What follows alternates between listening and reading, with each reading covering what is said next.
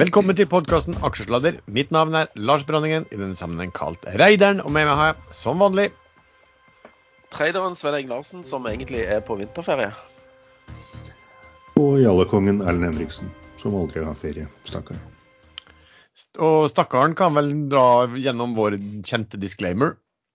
Ja, ikke gjør som dere tror eller mener å høre at vi sier, for vi er totalt uansvarlige. Vi ringer råd dersom du hører på hva vi sier om markedet, aksjer, enkeltaksjer og livet for øvrig, er ansvaret helt og holdent ditt eget. Det kan forekomme feil i det vi sier i programmet, og panelet og panelets gjester kan være lang, kort, direkte eller indirekte eksponert i aksjer, selskaper og produkter som omtales i programmet. Ehm, litt ut i programmet så skal vi ha en lengre seanse som er shipping spesial. Der får vi besøk av analysesjef i Pareto Securities, Eirik Håvaldsen. Men vi starter som vanlig med det vi eh, bruker i panelet. Det er å snakke om uh, siste ukers handler. Og nå er det gått to uker Sven, siden sist gang vi uh, spilte inn uh, aksjesladder. Hva har du funnet på? Nei, når du koste inn nede i Marbella der, så uh, hadde jo vi ikke vinterferie her på, på Vestlandet. Så, så, da gjorde jeg nesten ingenting, for da skjedde jo ingenting. Det var ingen emisjoner eller noen ting. fordi at her må vi tydeligvis ta hensyn til østlendinger som uh, fortjener ferie. Så uh, gjorde veldig lite forrige uke. Denne uken har jeg vært med i både emisjoner og nedsalg og trada litt og bomma på en Alternus-trade. Uh, noe så inn i hampen, uh, så den gjorde litt vondt. Ellers så har jeg vært på fjellet. Jeg er akkurat nede i, i, på, på Sola i dag for å Eller vi måtte levere noen som måtte arbeide i helgen.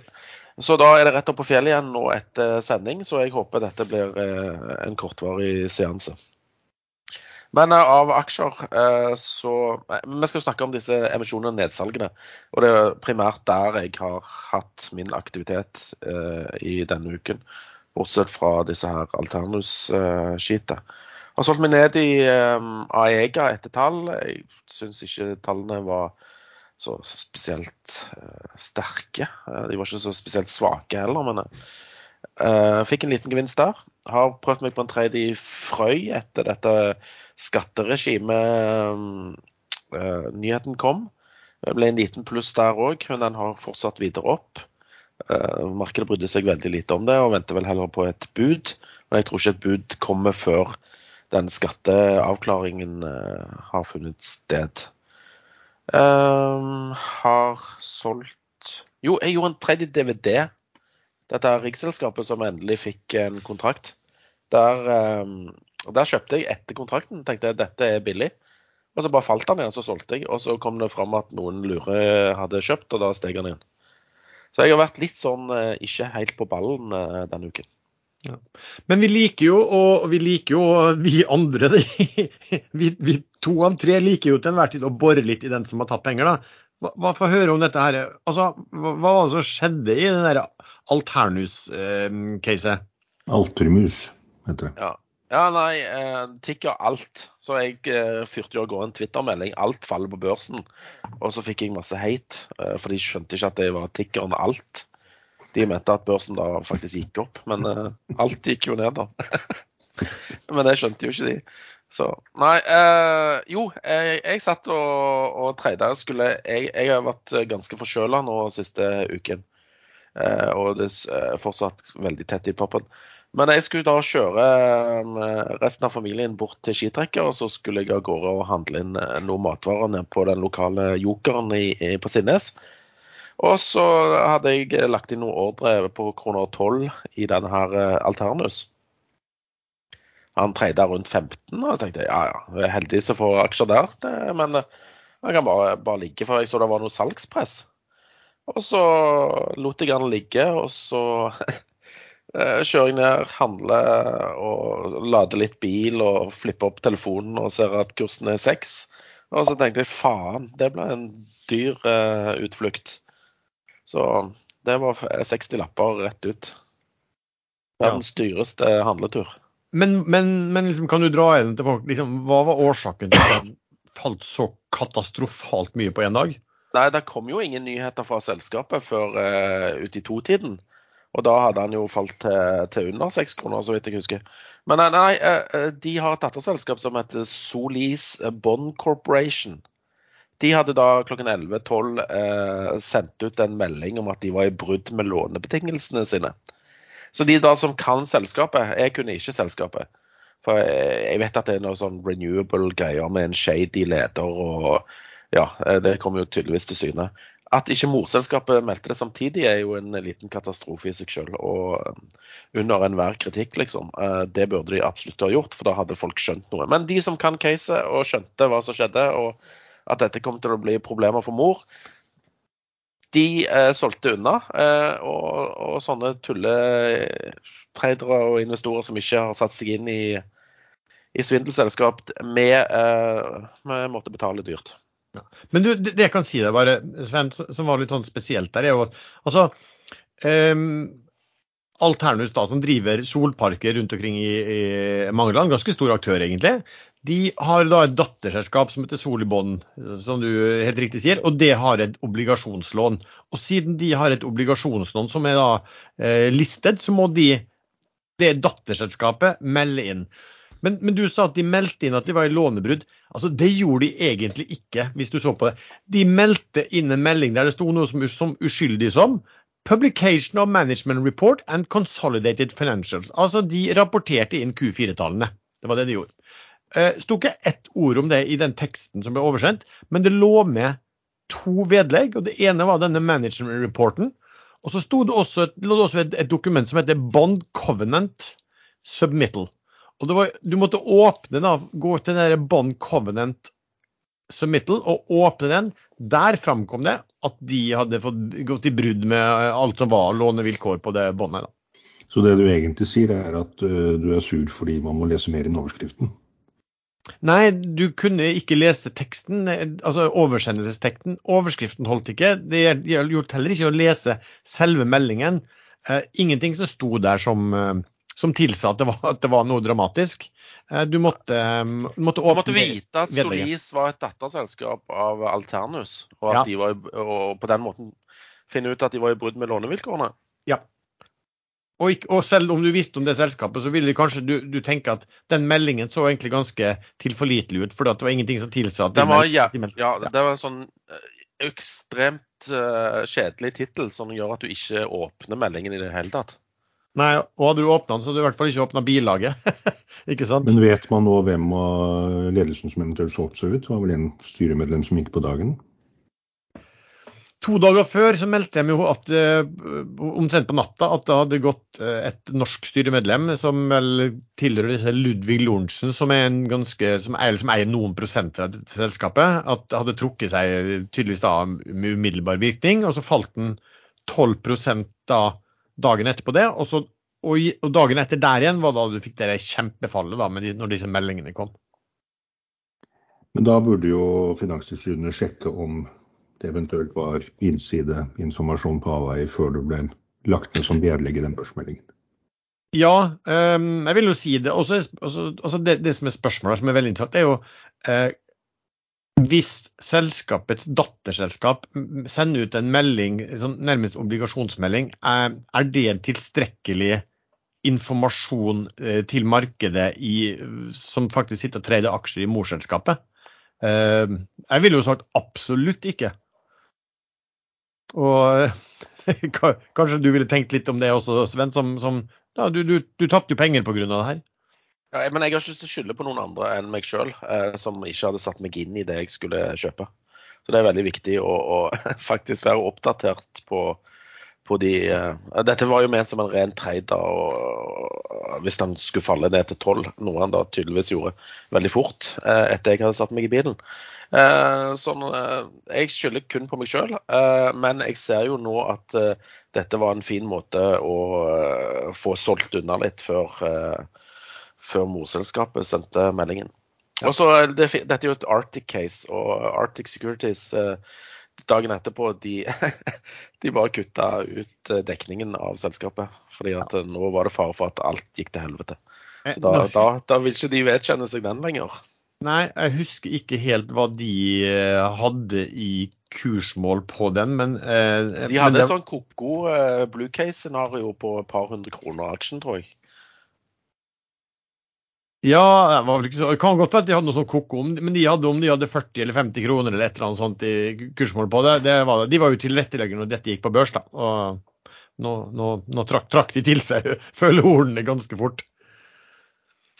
Eh, Men jeg vil jo tro at eh, Finanstilsynet da tar en, en, en god titt på hvem er det som har handlet aksjer i, i denne mm, perioden, egentlig, fra den dagen før også. Um, I forhold til at det var et styremedlem som stakk om, om det allerede da var informasjon om dette lånebruddet som var på, på avveie. Men det er jo ikke lett å ta noen for noe sånn hvis ikke man har et telefonopptak eh, eller noe skriftlig. Det er relativt vanlig at styremedlem som hopper av, eller storeier som ja, At man selger seg ut når man er ferdig med selskapet. Ja da, og det var jo ikke ment at, at, eh, at det er ingenting som, som vi vet om, om de har solgt eller, eller, andre har solgt. Spørsmålet er bare om uh, noen fikk den informasjonen, satt på den informasjonen og som solgte ut, uh, pumpa ut uh, aksjer uh, før det kom eh, til børsen. Og Det kan jo ha vært hvem som helst, det er fra utlandet eller hvor som helst. Og Det er ikke rart at vi stiller de spørsmålene når, når eh, de var så ekstremt, hvis vi sier det mildt, da, klønete med informasjonen. Nå har kursen etablert seg under fire kroner. Så spørs om det er noe smart kurs å gå inn på. Vi, vi har jo snakka om den før, for det var de som eh, etter planen skal eh, fusjonere med et sånt SPAC-selskap i, eh, i USA. Så eh, folk ser hva som blir med det, men uten at det har, det har jo ikke vært noen store, store kurstriggere det akkurat. eh, Når, når norske selskap har gjort det. RF, eh, den berømmelige Calera også. Men hva har dere gjort de siste to ukene, da? Var det forresten gøy i Marbella? Eh, ja, det var gøy. Jeg kan ta mitt når er første gang. Jo, eh, det var, det, var, det var veldig deilig å komme seg bort, komme seg bort fra hva skal si, trist norsk vinter, tåkete og, og kaldt, og, og litt uh, lyst og fint. Uh, det som var litt, litt sånn kjedelig når man sitter her, var jo at Um, jeg satt jo i uh, Min største posisjon som jeg satt lenge, er jo, er jo i uh, Valaris. Og de kom med tall. uh, og jeg holdt jo på med alle, egentlig alle andre ting der, så den kursen den falt jo noe kraftig mens jeg var på vinterferie. Så det var, ble jo dyrt sånn sett, da, men nå har den jo ja, tatt tilbake halvparten igjen av de, de siste dagene. Så, um, så, så sånn er det. Men eh, ja, nei, det var alltid godt å komme seg eh, bort. Og jeg, jeg var jo besøkt i byen hvor du eh, har i leilighet også, Sven. Ja, Og det- eh, ja. og- det- ja flott by, det. For min del kan du da bare ta hva jeg har gjort før du tar ditt, eh, Erlend. Jeg har eh, Nå er det jo en stund siden sist. Jeg har vært inne og treida nå inn og ut av noe Skatec. Jeg har treida i PGS inn og ut. eh, Otovo, faktisk. Um, og så kjøpte jeg jo uh, den DVD-meldingen som kom. Jeg hadde jo ganske god, mye DVD fra før. Uh, og så kom jo den meldingen, og så falt kursen da Den starta vel opp på 25, så falt den ned mot, mot 19 blank. Og jeg lover og kjøpte der en god del aksjer på skal vi se, skal jeg tippe at snitten der er på 1935 eller 40 ca. Um, og, og, den har jo kommet tilbake når det viser at innsidere begynte å kjøpe ganske mye. Um, og der solgte jeg hadde ca. halvparten av posisjonen min i går, når den begynte å nærme seg nesten på, på 22 kroner. Um, så kjøpte jeg Siem Offshore falt plutselig ganske voldsomt um, eh, en dag. Eh, ned på under 15, 14,70, så da kjøpte jeg en del der. Og så har jeg lasta, lasta på med mm, Standard Drilling nå, eh, for dem, da ble rabatten altfor stor, syns jeg. Og så var det én stor eh, selger der. Eh, så den har jeg kjøpt ganske mye av. Eh, kjøpt litt Norske Skog. Den derre Airwell Group Airwell som vi snakket om, eh, Sven, den eh, Ja, den, den, den solgte jeg på Ja. 5-10, tror jeg det var. OK. Fem- Eh, det, men jeg 5,40 hadde- her. Ja, du var flinkere enn meg. Men jeg, jeg tror jeg hadde dobbelt så mange aksjer som deg. Ja, jeg hadde kjøpt var- eh, ekstra, ekstra på veien opp. Da var du flinkere enn meg. Nei, men kanskje være begge like flinke. Ja, ok. For husfreden, ja. Eh, men den ble veldig bra, for det var jo, den hadde jo gått opp ja, 65% tror jeg på, eh, på ikke mange ukene. Ja. Um, og så kjøpte jeg litt Kister, Kester, for jeg var på den energikonferansen til eh, Sparebanken1. Det var jeg på da på onsdag og torsdag. Jeg visste at Kester skulle, eh, skulle presentere seg på torsdag. Regner med at han eh, Michael Binion, som han heter, kom til å eh, skryte litt om dette store, enorme kravet de har mot, eh, mot den canadiske stat, og kanskje si noe om når de ville publisere det. Jeg tenkte at det kunne bli haussa litt opp. Eh, han sa vel egentlig ikke så mye om det, men, men kom liksom noen antydninger om at kanskje, kanskje døren begynte å åpne seg, eller et eller annet sånt. Så der, eh, så der har jeg da eh, solgt en god del nå ut nå i stad, eh, faktisk. Den, den gikk jo opp noen, noen, noen prosenter på det. Uh, og så har jeg gjort en annen, ganske mye noe annet som jeg skal snakke om litt uh, mot slutten av programmet. Erlend, hva har du funnet på? Jeg har også vært innom eh, Kvester, ikke noe vellykket. Eh, Men den kommer sikkert til å ha noen flere drag, så da får man ta tilbake. Små, småpenger og småtap. Eh, Så har jeg faktisk eh, tatt litt Ensu. eh, Og holder det nå Det er generalforsamling 14.3, men uka før 9.3 så er det en en webpresentasjon av ny CEO som skal fortelle om hva de har oppnådd og hva planen er. og Da kan det være at den får et såkalt vakuumrønn. For der er det 216 millioner aksjer i dag, og så kommer det 500 millioner nye ca. på kurs 0,10. Så nå ligger kursen litt over dobbelt av det. Og som Jallakong Jalla Kong og vakuumtrader, så, så er det nesten programforpliktet for meg å eie litt den. Men de skal selvfølgelig ut før de nye aksjene kommer. Det hadde vært mye kjekkere for meg hvis du ikke hadde solgt før de nye aksjene kommer. Ja, men jeg Og for Lars òg, egentlig. Så du er egentlig i mindretall her. Men for å si det på godt norsk, så driter jeg egentlig dere to. Jeg tenker mest på meg selv. Som vanlig. Egoist. Egoist. Men jeg har vært borte, borte i USA igjen, da. Eh, Vært veldig forsiktig fordi markedet har vært litt, eh, litt merkelig. Men det er et selskap som heter Gores Metropol, eh, som har tikker Laser, LAZR, som har fått en gigantisk eh, utvidelse av kontrakten med Mercedes, som de kaller en multibillion dollar deal. Og selskapet har en market på rundt 3 milliarder dollar. De leverte eh, tall, og det så ikke så gærent ut. Det var tap, som forventet. Eh, Men de guider, eh, de guider positivt resultat allerede i løpet av året. Og jeg, ser, jeg hadde håpet at når news er ute, så faller gjerne kursen i aksjer uansett hvor bra newsen er. Jeg syns ikke newsen, eh, newsen var dårlig. Jeg syns den var veldig god, særlig guidingen. Eh, Men her har den ikke falt. Den har stabilisert seg rundt 9 dollar og lå ca. rundt der da før nyheten kom.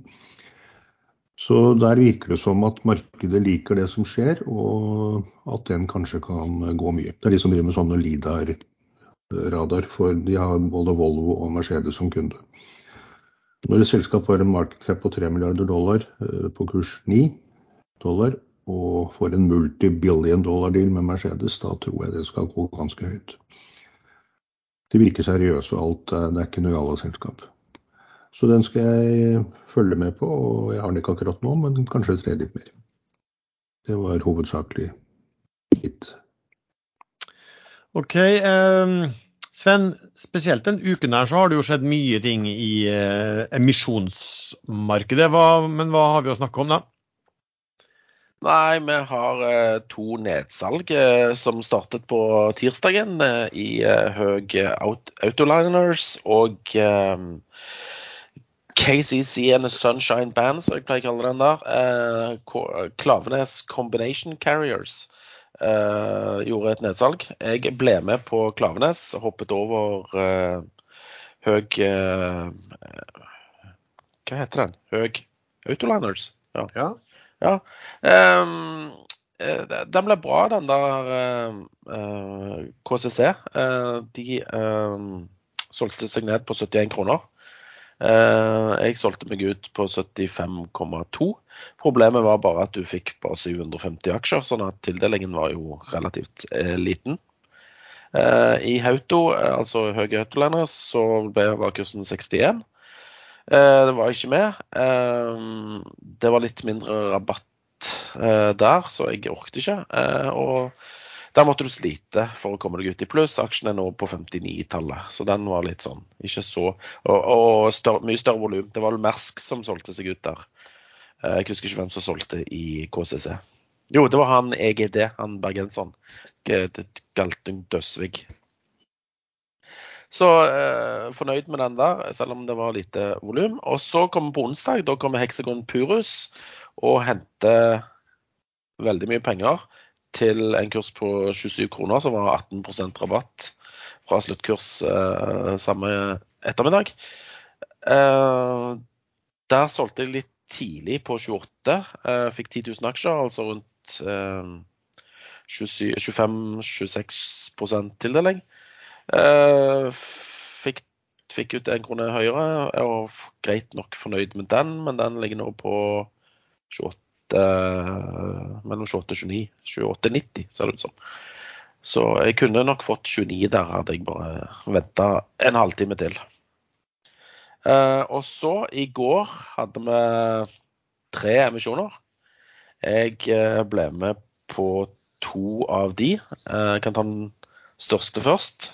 Det var vel Nordic Mining, og der, den kan jo du veldig godt, Erlend. Og, og, den var ja. jo venta den, den emisjonen der. De, de, hadde jo sagt over lang tid vi må sette en emisjon innen mars, var det vel. Det er også For, størrelsen på emisjonen. Og ja, når emisjonen 6. settes på langt over market cap, eh, så må man skjønne som aksjonær at eh, kursen vil bli med rabatt. Men at den ble så stor, det hadde, det hadde jeg ikke sett noen som forventet. Men man burde kanskje tenkt seg det. Ja, jeg, jeg, satt i bilen på vei ned fra fjellet, eh, og så ringte meglere. og så var det den NOM. tenkte jeg nei, jeg kan ikke ta telefonen engang når jeg så eh, hvem som ringte. Eh, så tenkte jeg jeg gidder ikke bli med på den, for det, ja, det er sånn gruvegreier. Men så står jeg på butikken da, og så leser leser syndikatmeldingen på NOM, og så står det 0,6, og, og, boken stenger 1930. Så da kasta jeg meg på røret og kom krypende tilbake til korset og tegna meg likevel pga. at rabatten var så hinsides stor. Eh, 060, aksjene skal vel eh, i teorien komme på mandag eh, når, eh, eh, når Finanstilsynet har godkjent prospektet og men det kan drøye eh, hvis de ikke blir ferdig med å godkjenne. Så eh, det, aksjene kommer ganske fort. Eh, ligger nå på 0,85, eh, og jeg tipper at den vil bli trykket ganske bra ned mot 0,6. Ja, hvis ikke den trykkes opp mot én uh, krone før det. Det er sånn typisk pump and dump. Ja, mulig. Den åpna på 0,74. Sven, sa du noe om tildelinger på den? Tildelingen var ganske bra, eh, altså dårlig. Nei, jeg tegna for 100 eh, 000 euro. Det skulle vel bli 1,1 mill. Og fikk aksjer for 927. Eh, og det tilsvarer vel 90 tildeling. Det er 84% kjapp hoderegning. OK, takk for den. Så ja, jeg håper de som tegner seg, var villige til å ta imot alle aksjene de fikk. Ellers får vi et lite salgspress. Ja, Men du tegna du òg, altså? Du, ja, du er bull på gruve. Norske gruver. Nei, altså det, jo, det, det, var egentlig rabatten som var interessant. Ja. Litt beregning av hva, hva, de skriver om internrente. Jeg, jeg liker litt han der toppsjefen. Det hadde egentlig vært artig om han hadde fått til noen ting. Og så var det ganske bra navn da, som, som var med og tok ganske mye av den eh, emisjonen også. Og, og, det er jo ikke akkurat navn som, som jeg tror skal satse på å flippe noe som helst. Nei. Jeg vet heller Jeg tror kanskje, og det som jeg har lært meg i det siste, at du skal, eh, bortsett fra når du tegner i noe som heter Flyr, som du vet er konkurs eh, et kvarter etterpå etter aksjen er levert, de skal du selge så fort som faen. Men eh, her er det Disse går ikke konkurs eh, på, på, tirsdag, liksom.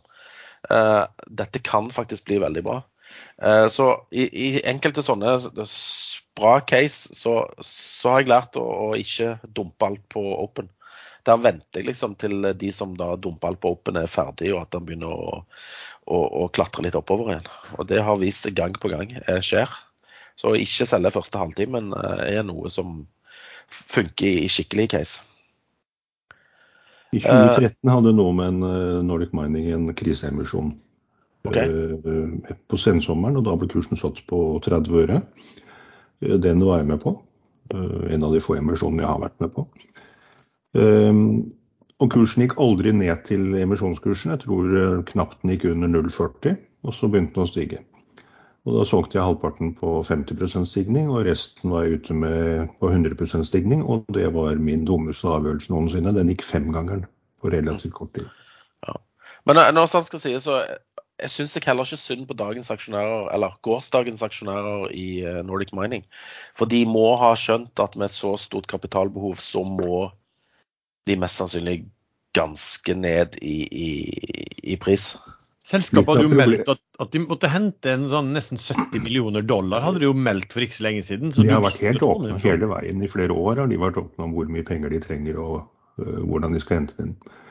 Men litt av problemet for Nordic Mining er jo at øh, Nordea uh, solgte seg helt ut her tidligere i år, og begrunnet det med at de vil ikke investere i sånn skitten gruvedrift som uh, lagrer restmassene på, på bunnen av fjorden. Eh, De kalte det vel også å lage søppelet sitt, og det er helt feil. Det er akkurat det samme som renner ut i fjorden hver eneste dag fra naturlig forvitring av fjell og, i området.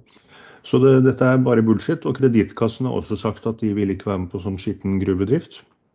Og da blir det vanskelig å få med eh, Kredittkassen og Nordea er egentlig det samme. no- Aha. Ja, eh, i Storebrand. Storebrand var det jeg mente. Så når da de store bankene, som egentlig faktisk er litt for, for programforpliktet til å være med og finansiere opp eh, norske selskap, når de trekker seg helt ut, og også internasjonale aktører ikke tør, da, da blir det stor rabatt når de skal hente inn pengene. Men nå har Nordic Mining hentet inn eh, jeg tror de har en buffersone på, over 20 over det de vet at de trenger for å bygge hele gruven og starte produksjon. Så jeg tror denne blir veldig bra. Man bare holde hun Greta Thunberg unna eh, og soveposen unna. Ja, øh, jeg vet ikke om de blir ferdig med denne protestaksjonen sin øh, nede i Oslo her. Men hun bare sender hun tilbake, rett tilbake til Sverige, da. Ikke opp i Engebøfjellet. Ikke med det går- første. Så, så går dette fint. Uh, ja, men uh, og så har vi to igjen. Det ene var Edda Vind, og den andre var Eidesvik Offshore. Jeg deltok i Eidesvik. uh, fikk eh, 9000 eh, aksjer der av 12 kroner. At det skulle jo bli rundt 12, 12 kanskje, tildeling. Så den blir nok eh, fin. Eh, Men, men den, den, der har du, ikke fått, du har ikke fått levert aksjene ennå? Når blir de Nei, 24. mars, var det det? Jeg tror det var rundt det. Yes. Så det er lenge til. Ja. Men Samme det, da. De får bare ligge der og ja, Eller det er jo ikke blitt aksjer ennå. De må vel ha en GF, så vi vedtar dette først. Eh, og så var det Edda Vind. Eh, skulle de bestille et nytt skip? Eh, Ja, jeg tror det var det de skulle finansiere, ja. For de henta masse penger, ja. Er på kurs 25. Jeg ble ikke med på den fordi at eh, Vi var jo om bord på Edda, den Edda-båten som lå i eh, Oslo i forbindelse med Pareto-konferansen. Så jeg syns det var litt sånn ja, ja. De skal kun drive med modifikasjon og reparasjon av vindmøller, liksom. Det var en rar båt. Men eh, skjønte, meg skjønte meg ikke helt på det der greiene der. Ikke noe å fiske fra. Det var jækla langt ned til havoverflaten fra der oppe. Mye høyere enn en vanlig supplybåt, liksom. Så det, det var Men det var ikke derfor jeg tegna. Jeg bare tenkte at eh, det var for liten rabatt. Det er jo bra. Eh, Den, den ligger på 24,85 nå, så den ligger jo da eh, under, litt, litt under eh, Ja, du hadde vel kommet du hadde vel, Jeg vet ikke hvordan tildelingen heller ble på den. Det var det ikke noen av de store Jeg bare så litt kjapt på det, for jeg var opptatt, men var det ikke sånn at noen av de store hadde tatt nesten hele emisjonen? Av de eksisterende? Jeg er litt usikker. Ja, jeg er usikker, jeg òg. Men eh, som, når du ikke er med, så er det vanskelig å vite tildeling. Hvis du ikke spør. Ja. Og jeg har ikke spurt. Bortsett fra dere, da. Spurte jeg. Men dere hadde ikke svar, dere heller. Ja, er det flere som Hva har vi som, Jeg tror vi har tatt alle. Har du tatt Purus òg? Ja. Den sa jeg jo ble gjort på 27. Ja, men 18, på... 18 rabatt. Du hørte ikke etter? nei, jeg satt og trada, jeg, så jeg hadde noe å tredje på. Ja, Tjenesteforsømmelse. Men vi, Ja. vi har blitt enige om å ikke spørre hverandre om eh, hverandres arbeidsmetoder, så da lar vi den ligge. Det er korrekt. Erlend, du, du, du var ikke frist Erlend, til å bli med i Nordic Mining? For jeg mener at du har sagt før at liksom når de skal, når de kliner til og Jo, skal ta jeg har egentlig alltid bestemt meg for det. Men uh, her satt jeg bokstavelig talt og så på uh, et oljet gulv tørke. Jeg uh, holder på med et byggeprosjekt hvor det går litt i ett. Så da Du har tatt børsmeldingen kom et, et steg videre fra å se malingtørke til den nå olje. Så Ja. skal du, ja. Olje er litt mer interessant å se shit. på. Hvitpigmentert olje. Men den kom eh, 16.30 og var stengt så 19.30, så den rakk jeg ikke. Da satt jeg i bilen på vei hjem da den eh, kom melding om at den var, eller, ja, mail om at den var eh, stengt. Men uansett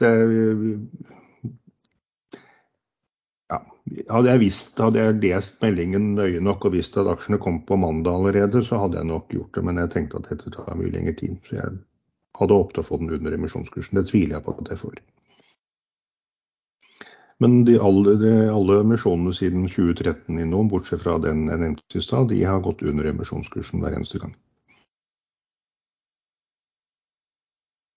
Men, men. I dag skal jeg trede Bullfrog i USA. Det er et sånn AI-selskap. Jeg syns det navnet er så kult, så jeg har ikke peiling på hva de driver med. Men den kom på børs IPO på rundt 6 dollar for et par uker siden.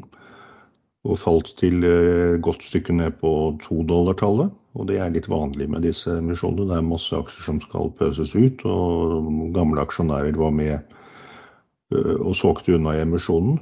Eh, ja. Uansett, det er vel noe sånn Green-sjua noe greier inni der også. Men den har plutselig snudd kraftig opp i premarkedet i dag. Sluttet på 2,98 i går, så jeg legger meg på 3 dollar og 10 cent, tenkte jeg, og ser om jeg får fyll. Men du, du vet ikke hva det var, men du vet at det er AI? Jeg vet at det er AI, og så heter de Bullfrog. Hva mer trenger man å vite, liksom? Nei, det var veldig kult navn, egentlig.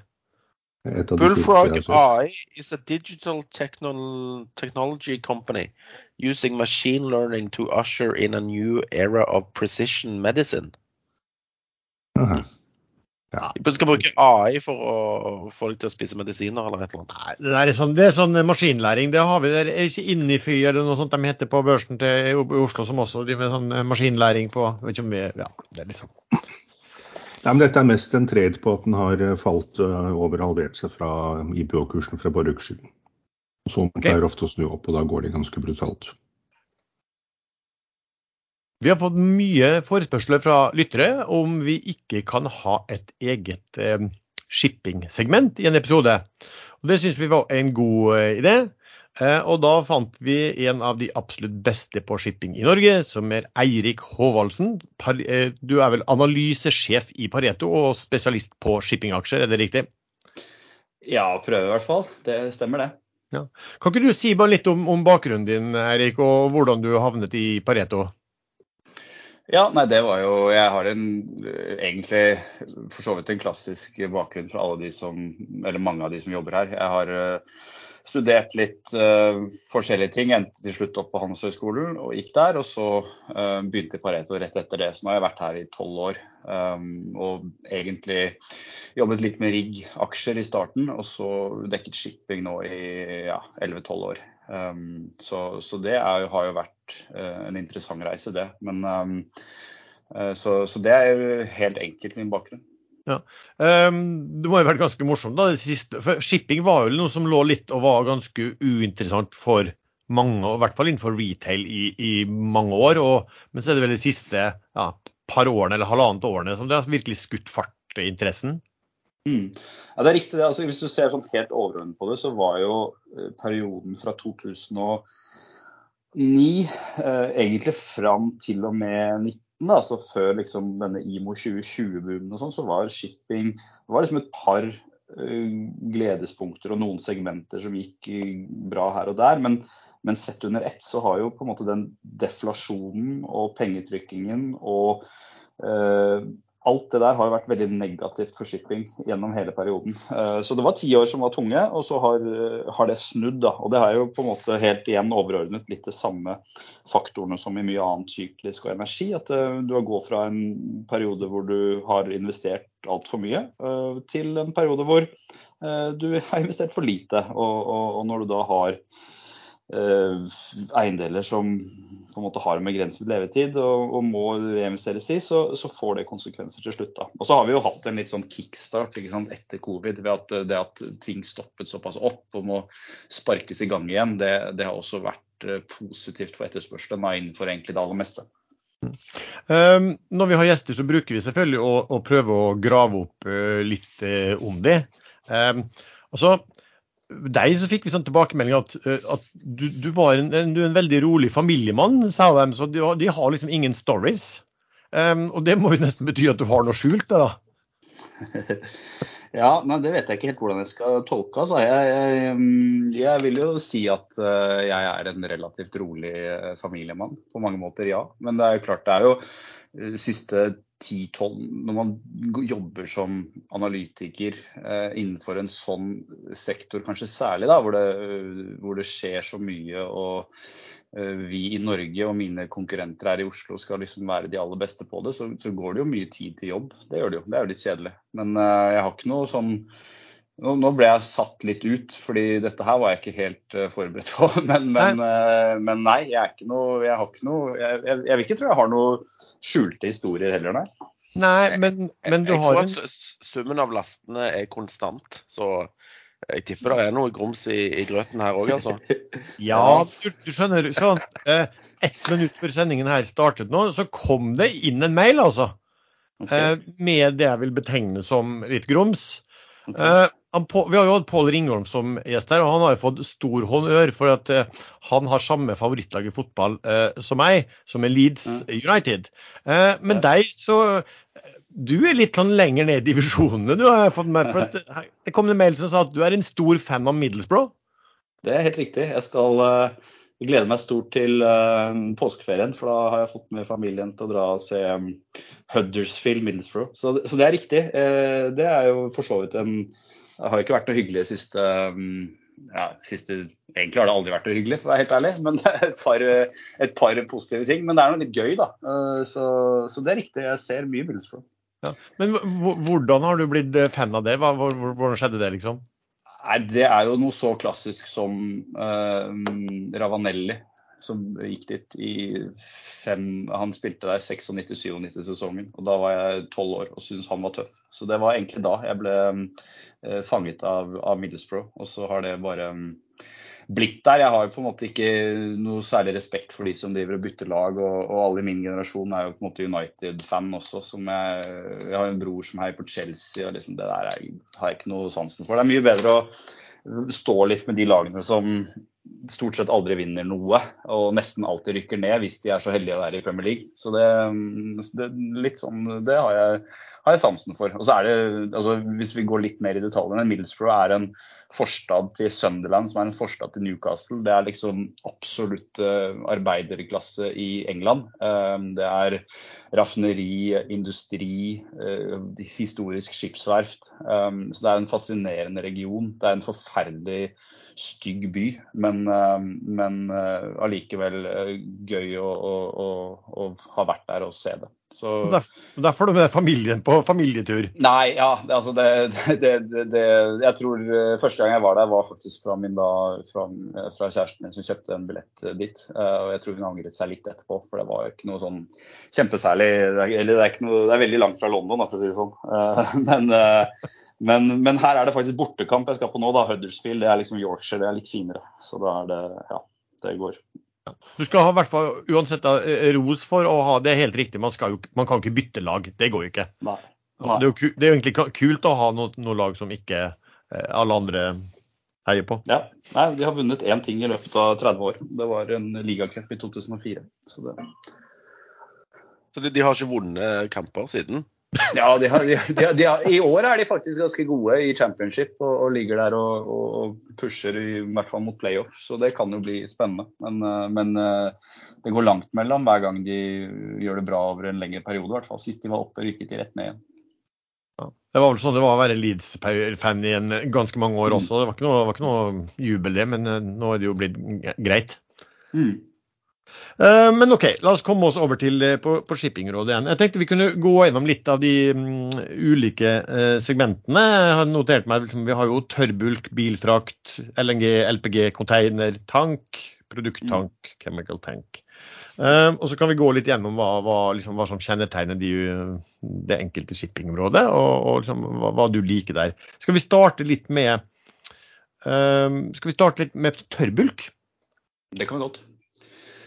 Um, altså helt igjen, Hvis vi, hvis vi tar liksom, og ser på litt det alle shippingsegmentene eller hvert fall, Vi deler ofte inn i råvareshipping og så litt mer industrispesialisert shipping. og Råvareshipping er jo typisk tank og tørrlast. Um, tørrbulk er um, fryktelig vanskelig egentlig å, å få sånn kjempegodt overblikk over etterspørselen. Tørrlast er jo alt. ikke sant? De frakter alt av egentlig tørre, som, som navnet går på, uh, bull commodities. Så det er jo veldig mye jernmalm og kull. kull. Det er ca.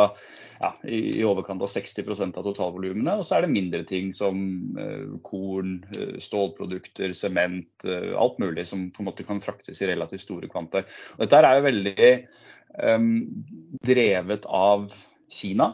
Uh, som på en måte den store vekstmotoren. Um, og det gjør det også veldig komplisert å, å, å, trekke det, fordi at man vet ikke helt ikke sant, hva, hva, Kina gjør og hvordan Beijing håndterer uh, veksten sin.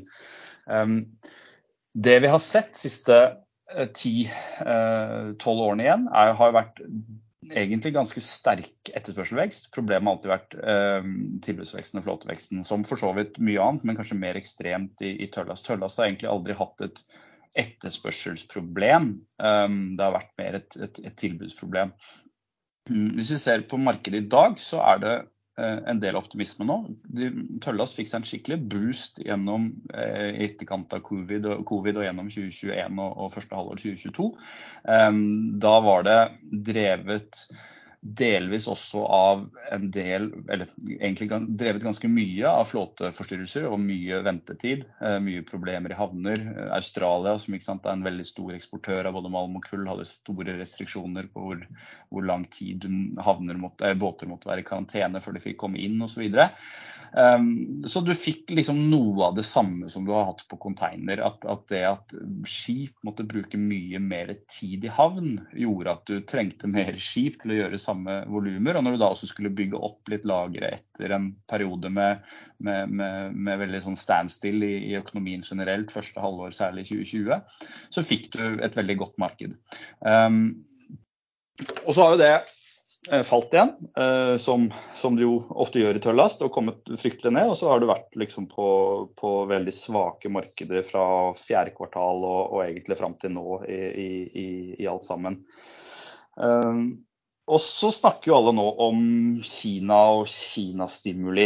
Um, og der er jo um, Det vi ser nå i det fysiske markedet, er at ting begynner å ta seg opp. Og det skjer jo alltid på denne tiden av året. Det som kanskje har, over, det som har overrasket oss litt siste uh, uken, er egentlig styrken i papirmarkedet. Det er et ganske sterkt sånn forward-marked innenfor tørrlast, som, som, er et ganske likvid forward-marked som handles mye. Og Hvis man ser nå på det som har blitt gjort der de siste par ukene, så er, så er forventningene da, blant liksom, papirspillerne at, at ratene her skal ganske kraftig opp veldig kjapt. Det har begynt å stige. ikke sant? Du får hver dag Balticen, eh, Baltic Dry Index som, som, man følger med på, stiger jo med, med, store prosenter, men det er på en måte små dollartall fortsatt. Um, men det er klart det er en klar forventning i markedet om at disse ratene skal ganske kraftig opp. Um, egentlig fra og med uh, april-mai, og, og, så inn i andre halvår. Jeg, men, jeg, mente, så, jeg mente så der at det var, kommet noen nyheter fra Kina, eller om det var noen analytikere, jeg husker ikke helt hva jeg så, men at, at de satset på å få sterkere vekst i 2023 enn hva man kanskje hadde antatt, for det er jo politisk styrt. Det må være bra ja. for, for tørr last? Absolutt. Og så det jo, men, men, men, der er det jo litt sånn um, den, Kina har historisk drevet sin økonomiske vekst gjennom eh, eiendomssektor og investering i infrastruktur. Så bygge motorveier, jernbaner og, og ikke minst da veldig mye eh, høyhus. Eh, og så ser vi jo nå egentlig tegn til, og det har det vært snakket om lenge, at, at de skal vri den veksten bort fra på en måte infrastrukturinvesteringer til mer konsumdrevet vekst. Um, og det har de ikke helt fått til. Da, og Noe av grunnen til det er vel kanskje det at kinesere flest uh, er nok litt mer nøysomme med, med, forbruket enn det man er i Vesten. Så, så, så, du får ikke den skikkelige boosten. Altså, det er masse steinrike kinesere som bruker masse penger, men er, liksom, den, den, jevne kineser gjør ikke helt det. Så nå, nå, snakkes det jo igjen om Og så har vi jo sett at da housingmarkedet er jo ordentlig, ordentlig distress. ikke sant? Det er masse konkurser, problemer. Um, og da går jo myndighetene inn og, egentlig sier at de skal stimulere. Og dette ser vi jo påvirker alt av basemetaller, jernmalm, stålpriser, alt mulig går jo opp på dette her.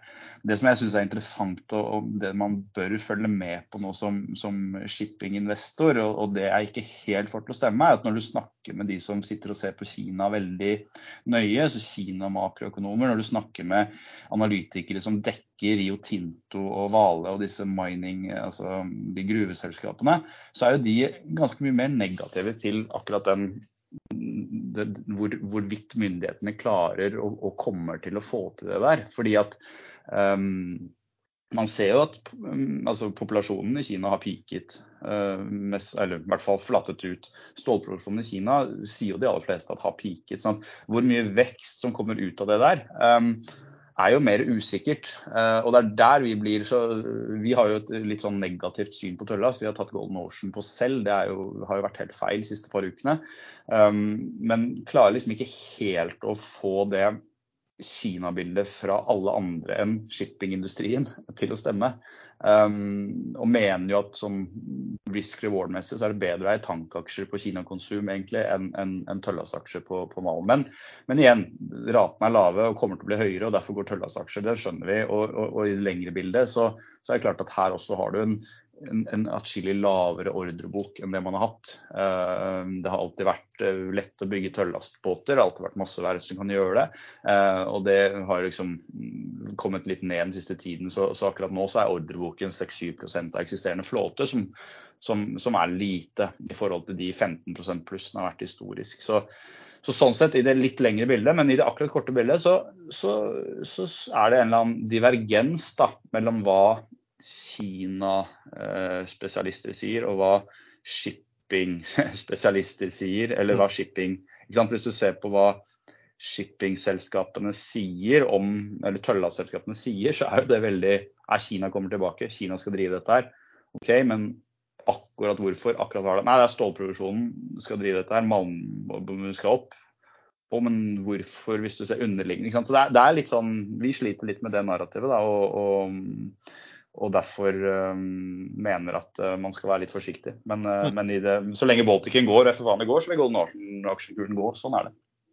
Um, men hvis du ser, altså, da er dere litt sånn lunken til den, det segmentet. Men altså, har du noen um, er det noen, Hvis du ser på de aksjene, da, både i Norge og, mm. og utenlands, som er, mm. som er, notert innenfor det, er det noen av de mm. som du foretrekker foran de andre, og som du absolutt ikke ville foretrukket ja. i forhold til de andre? Ja, altså definitivt. Så, så vi syns jo Bellships, da, som er det lille altså Grunnen til det er jo både en ting er prisingen, den handles godt under Nav, mens de andre handler godt over Nav. Uh, og så har de hatt, vært veldig dyktige på å ta periodedekning. Så de har jo faktisk uh, dekket seg i løpet av da ratene var veldig høye, tok de god dekning. Så de har jo hatt god dekning andre halvår i fjor. Har god dekning første to-tre kvartalene i år. Og når vi ser på da hvordan markedet utvikler seg, så, så, så, ser det veldig klokt ut. Altså Du ser jo nå i går så kom, altså Når du ser på tall fra amerikansk konkurrent Eagle Bulk, som som har samme type flåte med skrøbbere, så egentlig burde gjøre det bedre enn Bellships, gjør det langt dårligere. Og, og når da aksjen handler under Nav og gjør det riktig ved å betale ut utbytter og sånn, så syns vi den er definitivt det aller beste bettet på det. Um, og, og, den syns vi også, ikke sant, når du ser et selskap som har en god flåte, uh, altså moderne, gjør de riktige tingene strategisk uh, og kommersielt, og da til slutt gjør det riktige med pengene også, betaler ut, så. Så, så, så, er det egentlig noe man bare kan eie, da. Eh, det er jo litt det fine med shippingselskaper som, som klarer å gjøre litt, time litt sykler og, og, og, ikke minst vite når de skal investere når de ikke skal investere. Mm. Så det er en favoritt. Ja. Er det noen du, du ville absolutt holdt deg unna? Altså I et sånt klima vi er i akkurat nå, dette her blir jo sånn langsiktig investering. og Investering i shipping er ofte for mange litt kortsiktig. Men vi, vi, tror jo at man på sikt skal være mer forsiktig med Cape Size-spillerne. Fordi at uh, vi er usikre på den Kina-utviklingen. Um, så vi ville jo nå tatt av Golden Ocean-eksponering når, når de FFA-ene stiger som de gjør. Så fort det presset demper seg, så kommer dette her til å skli tilbake. Og aksjen er ikke billig på FFA-kurven i dag heller. Um, så, så, Golden Ocean ville vi vært hatt på liksom ville ikke løpt etter dem nå. Uh, det, hadde, jeg, hadde, du spurt meg for to uker siden, hadde jeg jo sagt det samme, så det, så det har jo vært feil. Men, men um, vi tror man skal være litt forsiktig med det. Ja, men, men, som analytiker, har vært analytiker selv, altså, man kan, kan, liksom ikke spå hva som skjer neste, i aksjemarkedet de neste to, to, ukene eller noe sånt. Det, det, det får man overlate til meglere å spå om. Det er veldig, veldig eh, fint at du sier, for det er jeg veldig enig i. du, ja, jeg, jeg, jeg, har et lite spørsmål. Du nevnte Cape Size. Mm. Uh, og Er det de største båtene? Ja. Så Det er de eh, som er eh, liksom, de som frakter de aller største lastene, stort sett eh, utelukkende malm og kull. Ja, for, for, du har jo masse forskjellige størrelser på disse bulkbåtene. Mm. Sånn Aframax, ja. Panamax, Supramax, Newcastle Max, som er min favoritt. Ja. Uh, uh, hva er forskjellen egentlig, og hvorfor heter det Newcastle Max? Det er eh, Port of Newcastle i Australia, som er den største altså havnen på østsiden av, av, Australia som gjør kulleksport. Så, så den, altså Newcastle Max er en stor cape, egentlig, kan du tenke det sånn. Så Det er det største skipet som kommer inn i den havnen da, for å gjøre kulleksport der. Ah, altså de um, denne Himalaya Shipping, eh, ja. som er notert på Oslo Børs, eh, har kun sånn i Newcastle Max. Jeg trodde det var Newcastle i England, eh, så jeg skjønte ja. dritt hvorfor de skulle inn der, liksom. Nei, og, og, og, du trodde, og du trodde havnen var på i Himalaya òg, kanskje? Nei, jeg forsto ikke det med Himalaya shipping. Det er jo type Innlandet for min del. Så jeg vet ikke om det er mye kanaler som går fra Tibet og ut i, eh, i Jeg vet ikke hvilke hav engang. Nei, Jeg har hørt storyen om hvorfor det heter Himalaya, men jeg husker det faktisk ikke. Det er, men, men det, er et, det er en han, Trøym har jo ofte litt finurlige navn på tingene. Ja, Han trodde vel det skulle til himmels. da, det Himalaya er vel det nærmeste du kommer. Du, altså, vi, eh, vi, får et sånt spørsmål og et, et selskap. Vi, vi, vi, har ikke snakka mye om det i Aksla, men nevnt det av og til. Og, og, vi har vel aldri nevnt det, tror jeg, i noen uh, spesielt uh, pene ordlag. Det er, uh, spørsmålet til deg var da hva tenker du om Jinhui Shipping? jeg skjønte nå hvor dette bar hen. Um, vi dekket Inui Pareto uh, for 15 år siden, og så uh, kom finanskrisen hvor Balticen falt og alle tørrlastselskaper holdt på å gå konk. Og da betalte de ut noen helt sinnssyke bonuser til seg selv. Så siden det så har vi egentlig ikke brukt noe tid på det. Um, så jeg, jeg, har ikke noe fil på verdsettelse. Um, det er klart at um, det vil være, ikke sant, hvis man tror Tøllast skal blir veldig bra, så vil det, det, det, være den siste aksjen som går, og sikkert den aksjen som på en måte går mest prosentvis også. Fordi det er Men det, det er, ikke sant, det, er, det har ingen tilknytning til Norge. Um, det er vel to brødre i Hongkong som, uh, som har det selskapet og, og, behandler det som sin eget. Så jeg har, noe, jeg har, jeg har aldri, fått, aldri diskutert Inui med noen uh, institusjonelle investorer. Så, så, så jeg, har noe, jeg, har ikke noe, jeg har, har ikke noe, dessverre noe å si annet enn at uh, det var en, og det er en grunn til at ikke vi har brukt tid på det.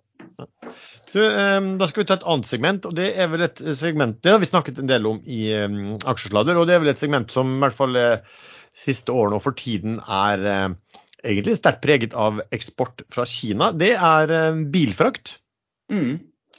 Bilfrakt er, uh, har jo også vært Har på en måte fått sin virkelige spotlight um, de siste to årene. Uh, drevet av Kina. Drevet også litt av på en måte flåteforstyrrelser der også. Det har tatt litt lengre tid å, å få volumene bort. Vi hadde denne chip shortagen som på en måte var negativ for bilvolumer, men kanskje positivt for bilfrakt fordi det tok lengre tid å fylle opp skipene. Og, og, så, så, så, det vi har sett der, er at fordi også det var tungt, tungt i bilfrakt fra 16-17-18, det ble investert veldig lite, så ble det skrapet veldig mye under covid.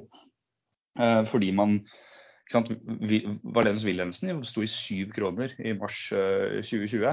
Så, så, man trodde det omtrent ikke skulle bli transportert biler igjen. ikke sant? Um, da har det skrapet mye båt, og så har det fått en ordentlig um, rekyl. Og det er jo drevet av uh, egentlig elbiler, nummer én, uh, og, og, kanskje Kina i særdeleshet, som har gått fra å være en helt total uh, uinteressant bileksportør til å, til å, plutselig være en av de aller største, og da drevet av elbiler, som, som nå utgjør, litt avhengig av hvilken måned man ser på, 25-30% av totalen. Så så, og det, det, som er problem, og Da har jo ratene gått i taket. så du har jo, Dette her er jo litt som container. ikke sant? Du har to, to ulike typer selskaper å kjøpe. Du kan kjøpe de som kun eier båtene og charter de ut til befrakterne, øh, sånn som Gram, da, som er en ren tonnasjeleverandør. Og så har du de som faktisk driver hele logistikkvirksomheten da, med frakte bilen fra, fra A til Å, egentlig. Um, og det er da Valenius og, og, og Høg Autoliners på Oslo Børs. Um, og Der har ratene gått opp. Uh, det er klart, uh, Du begynner å nærme deg et nivå der det man faktisk betaler som uh, bileksportør per bil for å skipe den fra Asia til Europa, som, som, er særlig, det begynner å bli liksom litt meningsfullt. Så det, så det kan slå litt. Så, så, så, vi sitter nå i en sånn litt sånn vanskelig situasjon med, med, disse bilfraktaksjene. Fordi at inntjeningen i dag er kjempehøy, raten i dag er kjempehøy. Det kommer ikke noe båt i år. Det kommer ikke noe båt første halvår neste år. Så alle ser at liksom, det er kapasitetsbegrensninger der i det helt korte bildet. Men etter det så kommer det mye båt. Uh, og så er det usikkerhet rundt makroen.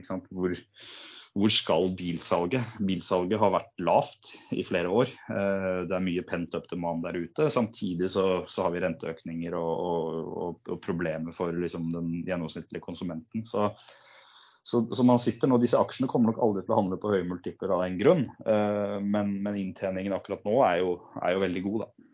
De, men de har vel også litt annet enn bare bilfrakt. De har vel også sånn hva du kaller det, high and heavy. altså Det er sånn ja. tunge, tunge transportkjøretøy ja. som de også frakter? Ja, så da har du tre på en måte vertikaler å ta av. Du har landbruksmaskiner som, som går bra, eh, og, og etterspørselen er høy. Du har mining som er kjempebra, fordi alle råvarepriser er høye og du har liksom vært gjennom en sykkel uten å fornye utstyret. Så det er mye utstyr som skal fornyes. Og så har du den tredje som er litt tyngre. Da. Det er alt relatert til konstruksjon.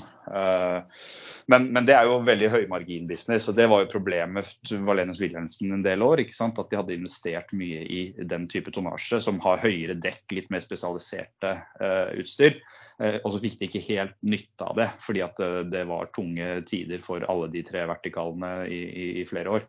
Nå, nå, går det bedre, og nå får du mer ut av det. Så det, det er klart, det er jo 30% av volumene til Valenius, så det er ikke rent bil som, som er fokuset. Men um, bare litt sånn faremoment, da. Altså, Kina det er jo alltid snakk om, uh, om de støtter Russland, og det er snakk om altså, man, man restriksjoner, og plutselig kan du risikere sanksjoner. Altså, hvor, hvor, hvor, sårbart er egentlig dette markedet for hvis noe skjer med eksportvolumet fra Kina av bil? Og kan det skje?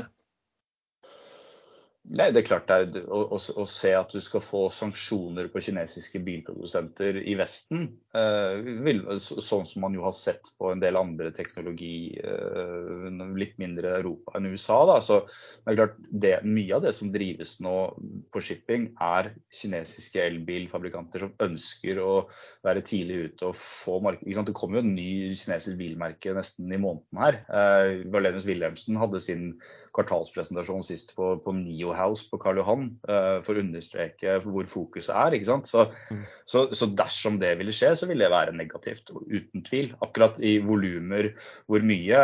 Fortsatt så er jo Kina, uh, altså hvis du ser på analysert eksport ut av Kina siste, um, eller i måneden nå, så eksporterer de vel 350 000 biler. så det er klart det er fortsatt en, eh, I et 80 millioner eh, pluss-marked, eh, så er det jo fortsatt en i underkant av 5% så du er, du er ikke liksom Men det er jo totalvolumer, selvfølgelig. Av sjøveien så er det mer. Så, så det, det, det, vil være negativt, men, men kanskje mer liksom signalene det sender. Da. For det er klart at kinesiske elbiler og, og, deres inntog i Europa skal, er mye av den strukturelle veksten du har her. Og den, den, den, den som vi sier på godt norsk, replacement-storyen ved at du skal sende dieselbiler fra Europa til, til, Afrika, og så skal du erstatte de med elbiler fra Asia og, og, Kina. Så det er klart den storyen er viktig for, for underliggende etterspørsel av um,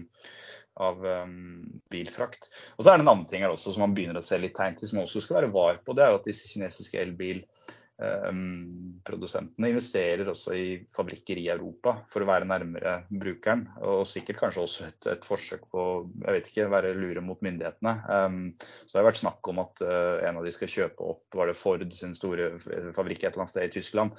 Så sånne ting kan også dempe på en måte de lange um, volumene. Men, men, eh, men, den største trusselen her er jo helt klart, eh, tror vi, da, det, det, som man skal følge med på, er ordreboken. Um, fordi at det er mye selv om det er veldig forskjellig fra containermarkedet, fordi at container og, og den, den, boomen vi har på en måte sett i rater, som i container var drevet av eh, flåteforstyrrelser for én ting, men også at man ikke kunne bruke penger på noe annet enn å bestille seg ting eh, på nettet. Um, den, det er ikke det som har drevet eh, bilfrakt i like stor grad, men, men, du har fått en veldig oppsving i rater, og med det en veldig oppsving i bestillinger av nye skip. Så, så det kommer jo en ordrebok her fra 2024 som, som, som er høy. Uh, og, og, Ser man på sånne aldersflåtegrafer uh, nå, så blir flåteveksten, antall, bil i, i, antall bilbåter levert i 2024-2025, blir liksom rekordhøyt. Hva, hva, tenker du da sånn investeringsmessig på altså segmentet som sådant nå? Vi tror at eh, du eh, Altså, for aksjene ser jo billige ut. ikke sant? Når du ser på run rate earnings, når du ser på estimatene eh, i altså Om det er 2023 eller, eller, til og med det de har vært de siste månedene. ikke sant? Altså Høg Autoliners handler PE3, Marlenes Wilhelmsen er PE5. Eh, og man betaler ut 50 eh, her opptil. Um, men det er nok ikke sikkert de skal handle så mye høyere. Så, så, så vi tror jo litt der at man skal eh, forberede seg på at du når taket her, altså. Eh, det syns vi. Og så er det Gram litt annerledes, fordi der låser du opp båtene i såpass lang tid. Så det er klart når du låser opp flåten i fem år, og uh, flåten fortsatt kommer til å være relativt moderne etter de fem årene, så så syns vi kanskje risk-rewarden på det er, er, er, er fin å, å, eie. Men det blir litt som MPC, som, som handler på veldig lave multipler. Og, og, vi tror at det blir fint å sitte igjennom. Men, men, om aksjene skal handle på så mye høyere multipler, er vi mer usikre på. da. Mm. Men, men, her er du, altså der er du også litt sånn inne på verdivurdering og hva folk skal um, se etter. Jeg husker det var en sånn shippingmann som sa til meg en gang at liksom, shipping det skal du kjøpe på høye multipler sånn inntjeningsmessig og selge på, selge på lave. Var liksom mm. flåste, men, men det er vel noe, kanskje noe i det? Ja, altså det er jo litt sånn som altså Shippingaksjer er jo sykliske aksjer på steroider. ikke sant? De er supersykliske. og Derfor skal du jo egentlig alltid kjøpe dem når du ikke har noe lyst. Eh, fordi du, de gjør det dårlig, eh, eller fordi inntjeningen er lav, og derav høye multipler. Så det, det er litt forskjell. ikke sant? Skal du, du, skal kjøpe dem når multiplene er høye fordi én er lav, egentlig. da. Altså Hvis multiplen er høy og, og inntjeningen og prisen er høy, så så, så, er det litt sånn. Du skal egentlig alltid kjøpe det når det er veldig out of favor, og så skal du selge det litt før du egentlig har lyst, fordi at du, du må um, ja, du, du, får ikke solgt det når det liksom på peak, og når det snur nedover, så, så går det veldig fort. Så, men så, så, skal vi ikke glemme her nå at uh, innenfor en del av og, og, av den grunn er det veldig farlig å se på multipler ikke sant, og si at ja, midsykkelmultiple 7-8-gangeren det er en fair verdsettelse. Det, det blir som regel feil i, i shippingaksjer. Du, du, vil aldri få noen midtsykkel. Du, du får en midtsykkel i et kvarter når raten er på vei opp. Eh, men da er markedet allerede i modus på at eh, du skal høyere. Og så, og så får du en midsykkel i et kvarter når, når raten er på vei ned. Og, og, da er det for sent. Så, så, vi, så, så, absolutt, du skal kjøpe de når multiplene er høye fordi inntjeningen er lav. Men, men, samtidig så har jo det veldig med at uh, shipping, det som skjer der alltid, og i hvert fall det som har skjedd de siste 15 årene, er at det blir bygget i hjel altfor fort. Uh, så enhver optimisme, enhver periode med litt optimisme, gjør at um, det kommer en sånn supply response veldig kjapt. Og der er jo Det dummeste man sier som shippinganalytiker, er jo at denne gangen er det annerledes. This time is different. Det, blir, det er som regel aldri det. men men akkurat på tilbudssiden så er det noe som har endret seg i 2022-2023 kontra de siste 10-15 årene. Og det er jo det at um, du kan ikke lenger bestille noe nesten uten nedside. hvis du skjønner hva jeg mener. Det, poenget er at historisk har du alltid kunnet bestille en, et nytt skip på det som tilnærmet er marginalkost for verftet. Og så har den marginalkosten vært veldig lav, fordi stålpriser har vært lave, motorpriser har vært lave. Det har ikke vært noen inflasjon i lønninger. Eh, og det har vært eh, tung konkurranse mellom verftene. Nå har du strammet litt opp i verftskapasiteten. Den er redusert med 35-40% de siste ti år. Um, det er ikke lenger gratis med stål og motorer, og lønninger går opp. Så, verftene um, må ta høyere priser. Og igjen, mindre konkurranse gjør også at verftene til og med får litt marginer. Um, og da koster det mer. Så, så nybyggingsprisen er opp 30-40-50 litt avhengig av segmentet, siden 2020. Uh, og det gjør at det ikke lenger er risikofritt å bestille. Uh, I tillegg så er det dyttet lenger ut. Så der du tidligere kunne bestille og få levering om 18-24 måneder, så er det mer nå 30-40 måneder, litt av segment. Så så Det gjør at du ikke får den der supply-responsen. Altså, vi har jo vært veldig positive til tank, og syns tank fortsatt uh, er det som helt klart ser best ut siste, neste par årene. Um, og, og, det er jo mye drevet av akkurat det. At du, du får ikke noe ordrerespons i stor nok grad. Fordi at det er for dyre assets og det er for risky å ta et bet på 2025-2026 um, med de prisene du har nå. Um, så ja, bra. Altså, men oss, da kan vi jo hoppe på det segmentet, tanksegmentet. Mm. Som, uh, som, veldig mange er interessert i, fordi det, det er store volum som handles i bl.a. Frontline uh, hver eneste dag. Mm. Kan, ja, si litt om, om, om hvordan det, det, ser ut i tanksegmentet nå. Nei, Hvis man begynner med det som uh, var den positive tesen for, for 18-12 måneder siden, så var jo det akkurat dette med, med tilbudet. At du har begrenset ordre. Du ser at nybyggerprisene går opp. Ehm, det gjør at det bestilles enda mindre. Eh, og så går vi inn i en periode da, som, som også er veldig viktig. at Skipsbygging er jo også veldig syklisk. Det bestilles mer når markedet er bra. Så 2003, 4, 5, 6 bestilt, ble det bestilt masse tankbåter. Det er jo nå skip som begynner å bli gamle. Og så blir ikke de skrapet sånn som ting er nå. Nå kommer tankbåter til å gå til de er 25-26 år, de helt klart. Men, men poenget er at vi går inn i en periode der det er såpass mange skip, da, såpass stor del av flåten, som, som, som når den alderen, eh, og som på en måte bør erstattes. Og så er vi da på et tidspunkt hvor det er dyrt å erstatte, det er lang ledetid, så, så det kommer egentlig ikke noen erstatninger. Så 2024, sånn som ting ser ut nå, eh, er det null VLCC-er i bestilling. Det tror jeg aldri har skjedd før, i hvert fall ikke for 50 år. Så, så, blir det sikkert noe levering i 2024 fordi man dytter noen skip over fra 2023. Men, men poenget er at det er ikke noe. Ikke jeg, for ti år siden så var alltid tommelfingerregelen at uh, på tank så har du alltid like mye båter i bestilling som du har eldre enn 15 år. Um, nå så er det uh, 40, 35% av flåten da, i tank er, er, eldre enn 15 år, og så har du en ordrebok på 3-4% Så det er, det er et enormt misforhold der. Um, I forhold til hva det har vært. Så det, det vet vi. ikke sant? Det er tilbudssiden. Den, den, veksten der vil være begrenset de neste par årene. Det i seg selv, så lenge oljeetterspørselen i verden vokser, uh, gjør at markedet skal bli strammere, og markedet er allerede bra. Uh, og så har du disse Russland-effektene, som, som, jo var det som dro i gang aksjene i fjor, vel i stor grad. I februar-mars i fjor så begynte aksjene å gå. Det er fordi Russland er en stor eksportør av både olje og oljeprodukter.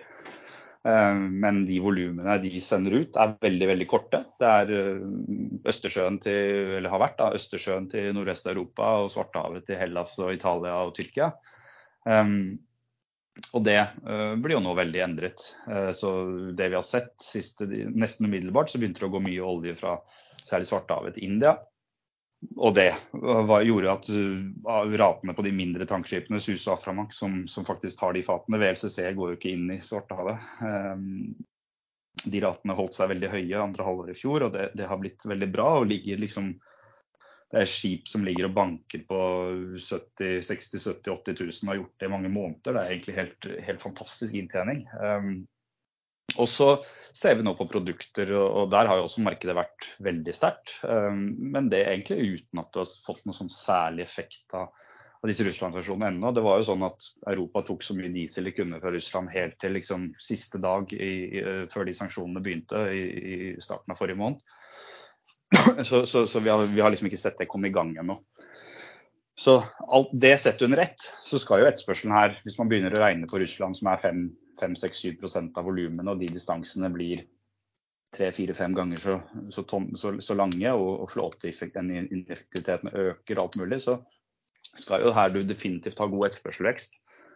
Uh, og så har du null tilbudsvekst. Da. Så, så, 2022 var jo bra. 2023 blir bedre enn 2022. 2024 burde bli bedre enn 2023. Uh, så har vi 2025, da, og der kan man fortsatt ennå bygge båt, så vi vet ikke.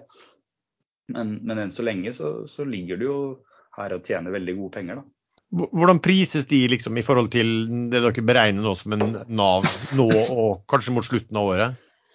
Ja, det er jo veldig viktig det du sier der. Da, for at Å se på Nav-en i dag er egentlig litt sånn irrelevant annet enn på en relativ basis, all den tid selskapene tjener 5-10 av Nav-en sin per kvartal. Så vi ser jo på såkalte ettårs frem-Naver. Eh, og der handler det jo godt under.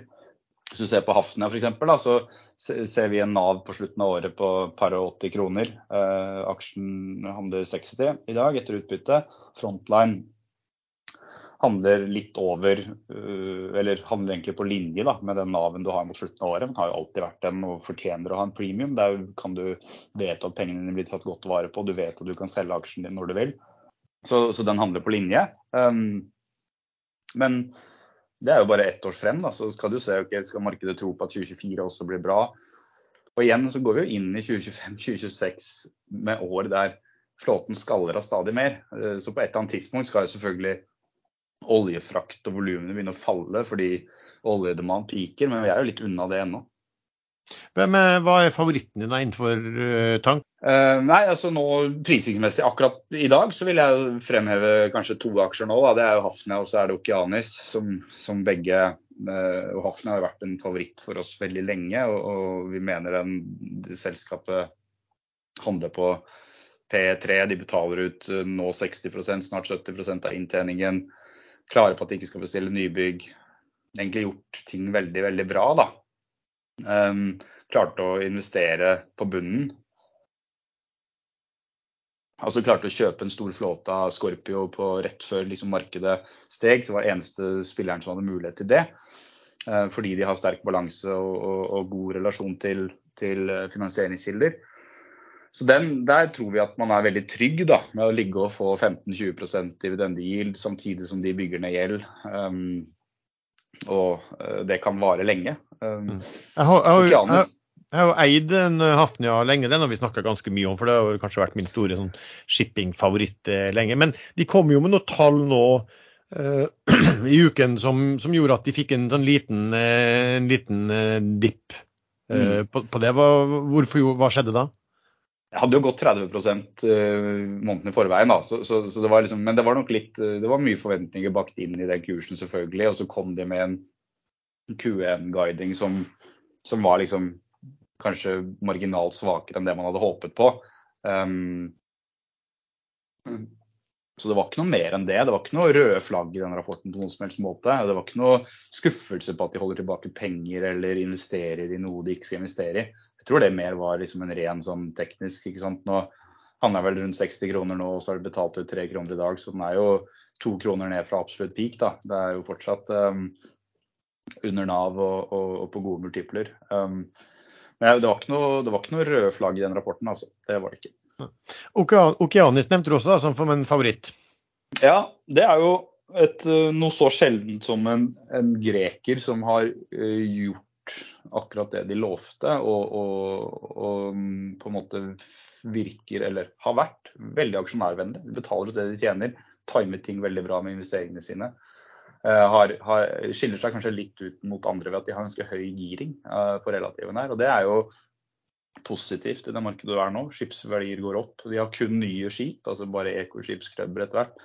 Så har de en ganske liten flåte som gjør det selvfølgelig også lettere å på en måte outperforme markedet.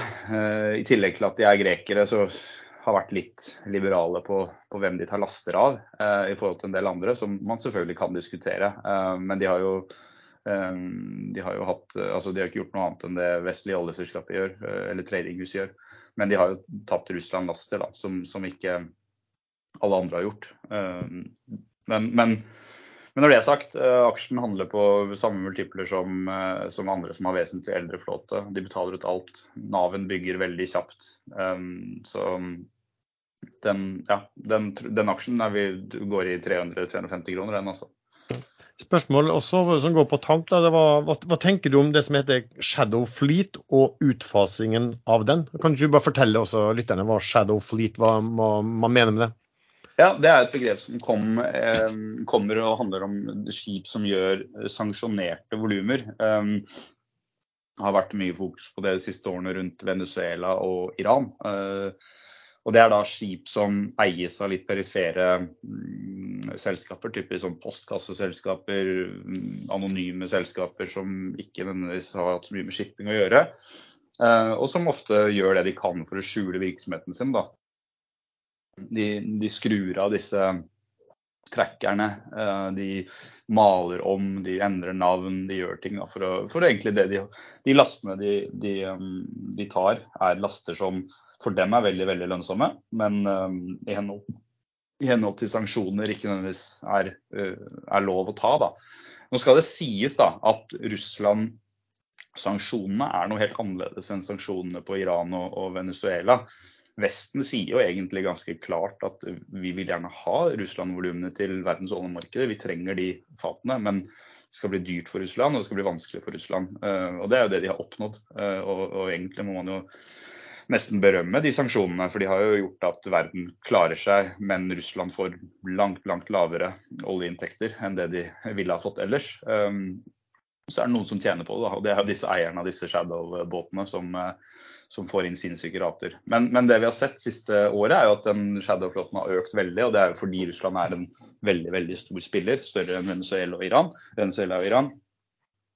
Det interessante med den da, er jo at um, det er først og fremst gamle båter. Um, men de båtene blir jo um, svartelistet fra andre um, andre vestlige laster. Så, så, hvis du begynner nå ikke sant? Nå har jeg ikke sett noe sånn ren formell, men i, i tankmiljøet i hvert fall så, så, sies det at Exxon har vært kraftig ute og sagt at en båter nå som gjør russiske oljeprodukter, skal vi ikke ha noe med å gjøre.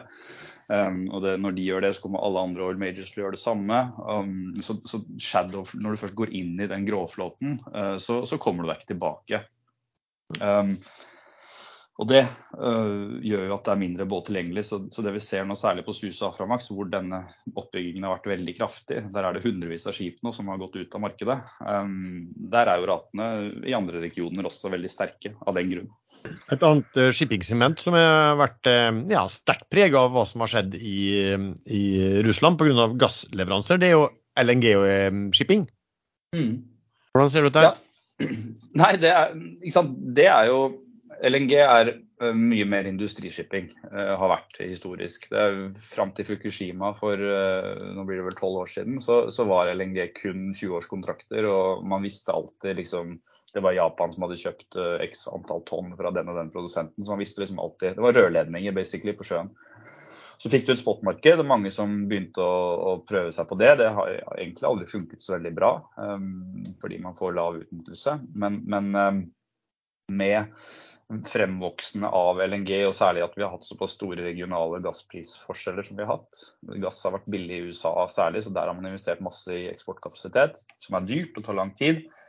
Um, og så har jo selvfølgelig det som har skjedd når, når Europa mister tilgangen på russisk rørledninggass, som de gjorde i fjor, så, så, må de se seg rundt etter andre volumer. Og for, har jo fått kjøpt gassen på bekostning av mindre, i stor grad mindre land i, i, i Asia som, som, hadde investert i LNG-importinfrastruktur. og, og Bangladesh, Pakistan, Filippinene, disse landene som skulle bygge opp. og, og de, de, må jo nå heller ta kull, som, som jo er selvfølgelig synd for, for miljøet. Men, men, men, det gjorde jo at shipping fikk seg veldig oppsving fordi at man måtte ha skip. Så dette ble politisk um, i fjor, og perioderatene gikk.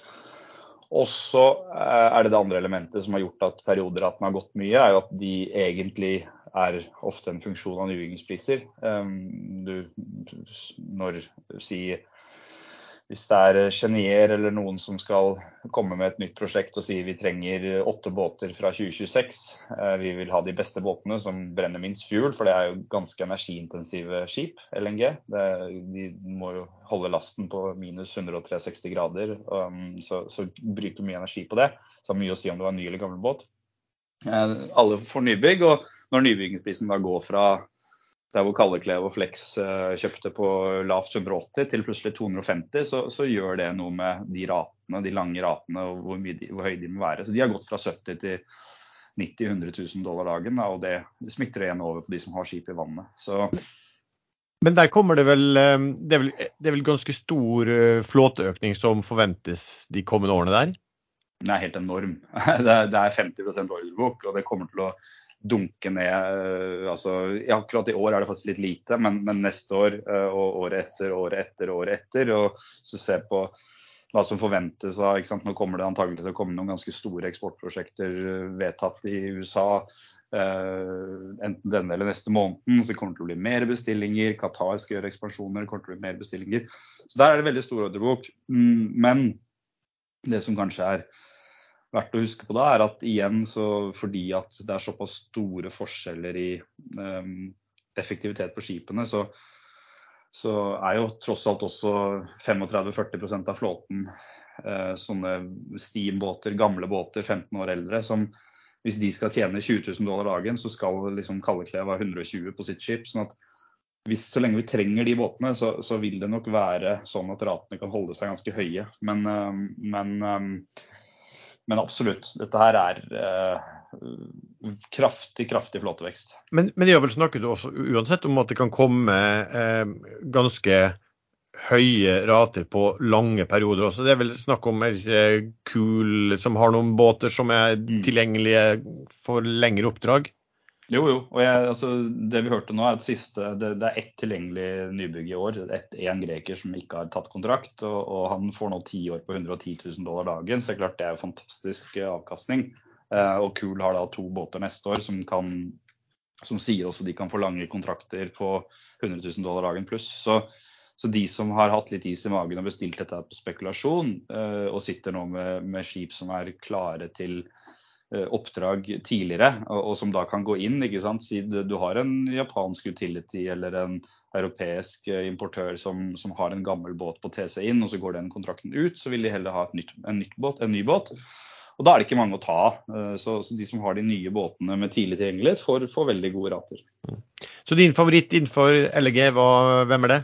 Nei, det er jo Prisingsmessig så er det cool, da. Altså Flex har jo vært et, en fantastisk reise. og, og Eh, den, den turnarounden eh, han eh, Kalleklev har gjort der fra 2017-18, har vært fantastisk. Det har gått fra å være et liksom spot-dyr som ikke helt funket, til å få lange kontrakter, god finansiering og sinnssykt god prising da, i aksjemarkedet. Fordi folk ser på det mer som infrastruktur enn en råvareshipping, som er helt riktig når du har gode motparter og lange kontrakter. Uh, og så tror vi da at, uh, at Kul kan gjøre noe av den samme reisen. Eh, det er litt dårligere flåte, det er det litt eldre. Eh, men den handler på under halvparten av multiplene og, og er liksom nettopp i gang. Da. Så, så, vi tror at når de nå kommer med utbytter, um, vekst i form av nybygg, US listing, så, så, så har den ganske stort potensial. Handler vel rundt 140 nå, Naven er 210, liksom. Så, da er det, den ville vi eid av den grunn at du har en del sånne selskapsspesifikke trigger, og du har et veldig klart kart. da. De, de må bare prøve å kopiere det Kalleklev og Fredriksen og, Flex har gjort. Så, så, får du en helt annen prising på, på kul uh, 6-12 måneder ned i veien, tror vi. Ja. Men Golar eh, LNG de eide vel en del av Kul, og de solgte seg ut uh, nå helt nylig. Men det, der var det vel en annen storeier som kjøpte? Ja, det var Ida Nofer, da, som er hel, nei, Israels Jon Fredriksen, på en måte. eller han og broren sammen er det. Um, så de, Han har jo nå majoritet, da. Så du, du nok, bør, bør, nok få litt spredning på de aksjene etter hvert. Men, men, det er jo ikke noe alternativ å trykke aksjer i, i dag, og de trenger ikke det heller. så men, eh, men, eh, men ja, det, det, var han som kjøpte ut Golar. Da. Golar er jo egentlig et helt annet. Det, det, burde ikke bli dekket av sånne som meg, det burde dekkes av folk som skjønner litt mer om uh, oppstrømsvirksomhet. Mm. Um, ja, LPG, shipping? Ja, der er det en fantastisk inntjening. Og både BV og Avans er kjempeselskaper som har bygget ned gjeld og betaler ut masse utbytte og har flotte flåter. Eh, det som er problemet der for oss, er ordreboken der også, for den er ganske kraftig. Det kommer 15 flåtevekst neste året. Um, og i dag er ratene høye, og det kan vare uh, litt til. Men, men, vi sliter vi, Det har liksom aldri gått, da. For, rå, for dette her er mye mer råvareshipping enn en, en det LNG her. Så, så, det har liksom aldri gått å se et råvareshippingssegment ta en 15% ordrebok. Uh, på den måten uten at ratene skal vesentlig ned. Så vi tror forventningene der er litt høye. Men uh, absolutt aksjene handler under Nav. Um, betaler veldig gode løpende utbytter. Drives veldig godt. Uh, vi ville ikke solgt de, ville sittet med de, men, men, man skal være klar over at det kommer en, en, en, en ordrebok fra med andre halvår som som gjør at du må i hvert fall få veldig god vekst da, i etterspørselen i Asia. Dette her er kjemisk, uh, kjemikaliekrekkere stort sett i Asia som, som, drar etterspørselen. Så du må ha både veldig god vekst i deres etterspørsel for å kunne absorbere den flåten, og så må du ikke minst ha veldig god vekst i amerikansk produksjon, for det er der det skal komme fra. Amerikansk produksjon av propan og butan, som egentlig også er Forventningene er jo, har jo vært høye der, men vi har jo sett i det siste med lav gasspris at riggaktiviteten avtar litt. Og, og Shale sliter kanskje litt mer enn man trodde. Så det er noen ting der som vi mener uh, lyser litt uh, halvrødt. Men, uh, men, akkurat for øyeblikket veldig god løpende inntjening, og selskapene er veldig godt drevet. Og den favoritten i LPG, hva var det? Det ville vært BV akkurat nå. Um, du, Container har jo vært, uh, var jo veldig veldig spennende under covid pga. MPC Container. og Så har jo den uh, falt litt tilbake, og det har vært litt sånn spekulasjoner om de har inngått lange rater, men um, kanskje mm. noen vil re reforhandle. Hva, hva, tenker du om, om liksom, segmentet og, og, MPC Container? Altså, Container er som vi var litt inne på først. det ble på en måte, Du fikk en sånn veldig veldig etterspørsel-hype under covid. Både fordi volumene gikk noe opp fordi det, vi satt hjemme og kunne jo ikke bruke penger på noe annet enn å kjøpe seg enda en flatskjerm. Um, sånn var det over hele verden. Uh, og så hadde du store da Dette er havner som krever mye manuelt. Dette er ikke en oljehavn som du kobler båten til en rørledning ute i havet. Dette er drevet av mennesker som losser og laster konteinere. Så, så hadde mye covid-utbrudd, og sånn, særlig i Kina, og, og, som, som gjorde at ting gikk veldig sakte. da. Og da fikk man en sånn veldig, veldig rateboom. Um, som har kommet rett tilbake. Og det som har skjedd siden da Så du er nesten tilbake på Eller du er vel egentlig tilbake på pre-covid på sånn headline boksrater. Altså det Mersk og Hapag-Lloyd og CMA og sånn MSI tar per boks. Um, du er ikke helt tilbake på tonnasjespilleren ennå, men, men, men, det er blitt bestilt fryktelig mye båt. Så, så det begynner å komme nå, øh, og, vi kommer til å få veldig heavy kapasitetsvekst. Og så er det ikke sikkert at det er sånn helt krise, fordi at igjen, dette her er De som stort sett har bestilt, er jo MSI og Mersk og, Hapak. Altså det er de store selskapene som har bestilt mest, øh, og da særlig MSI, som, som er denne Napoli-familien bosatt i Sveits, som privateid og visstnok etter noens mener tjent 100 milliarder dollar på, på covid-boomen. Um, det, det, det, kan gå fint, det. Um, men, ikke, men, man skal ikke være trygg på det, på en måte. Og, og, MPC har jo egentlig siden de måtte restrukturere i 2020, gjort ting veldig bra. De har sluttet ut båt på stadig økende rater. De har solgt båt når det har vært lurt. Um, betaler utbytte som, som lovet. Og aksjen handler jo på P2, EVBT halvannen. Um, 40 uh, ikke, ikke det var litt høyere i fjor, men si 30-35% dividendegild. Um, så det er klart markedet tror jo ikke på noe utover det de nå har kontraktet ut. Uh, og flåten er jo stort sett på kontrakt ut 2024. Um, mange har vært redde for kanselleringer det som gjør at vi kanskje ikke tror så mye på kanselleringen her, er at um, fordi at kundene deres har tjent så fryktelig mye penger, så er det liksom, det er ikke noe case for å kansellere. Og så er jo MPC også de um, minste skipene, og det er ganske korte kontrakter de har. så at hvis noe skal konsuleres, så er det ikke MPC man vil gå til først. Det er andre større leverandører av, av, av større skip og lengre kontrakter. Um, så for MPCs del så tror vi ikke det der, og det har jo egentlig ikke vært det. har vært litt endringer på, på, strukturen i noen av dem, men det har ikke vært noe liksom, bortfall for MPC. Eh, og Tror man på det, så får man jo ut um, Nå har jo kursen gått litt i det siste, men, men hvis du legger på skrapverdier og, og, tror på at de klarer å tjene det de skal ut 2024 og betale ut det de sier, så, så får de omtrent tilbake dagens aksjekurs. Så klart Da priser jo den residualen veldig veldig lavt. da. Ja. Jeg så det var, for det var en, det kom et spørsmål fra det, og der var det en som skrev at uh, Stemmer det som CEO i MPCC sier, at deres segment innen containerfartøy ikke er like truet av framtidig ordrebok som de store skipene, f.eks. Mersk? Ja, altså da vil jeg si nja, det stemmer, men um, det stemmer kanskje ikke helt heller. fordi at det som skjer i container, er jo at um, ordreboken på feeder er lavere. ikke sant? Den er eh, under 20% mens ordreboken på de største skipene er to-tre ganger enn det. Men det er jo fordi at de største skipene er det færre av. Um, og det som skjer er jo at du får inn et uh, 22 000 TU-skip, og så erstatter det et, et, 19 000, og så erstatter det 19 000 et 16 000, og så erstatter det 16 000 et, ikke sant? Så går det nedover. Så du har denne, det som man snakker om cascading, som, som, som til slutt gjør at selv om absolutt ordreboken på 2400 og 1700 TU-skip er relativt lav, så, så, så, vil du kanskje få press fra større skip som på en måte pushes nedover til de samme rutene. Um, men, men, men, ordreboken er lavere, så sånn sett sånn headline skal, skal, det være riktig. Og vi ser jo nå antydninger til at ratene der også stabiliserer seg på nivåer som er selvfølgelig mye mye lavere enn det de var i, i 2020 og 2021. Um, men men allikevel um, på nivåer som er et stykke over det de var før covid. Så, så, så, så markedet er sånn sett skal være, er i bedre shape der enn en, en mye annet. Sånn Generelt sett innenfor shipping så, så er det jo også øh, diskusjon vel om, om ESG og, og framtidig drivstoff. Altså er, er, det noen ting her som gjør at du forhindringer for nybygg, altså at rederne ikke eh, blir, blir, redd for å bestille nybygg i forhold til hva som kunne komme av reguleringer og prisinger? Og... Absolutt, det der er et kjempeviktig poeng. At, at um, Siden 2007-2008 så har du hatt du hadde denne ekoboomen i 2013-2014 hvor man begynte å se på motorer som var mindre kraftige og dermed brukte mindre drivstoff.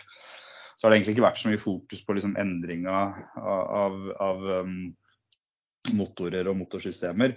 Eh, det vi ser nå er selvfølgelig net zero-mål, om det er IMO 2030 som man snakker om. og nå, nå, er det faktisk regler der som, som krever at, eller gjør at rederiene er pålagt å redusere utslippene sine gradvis år for år for år.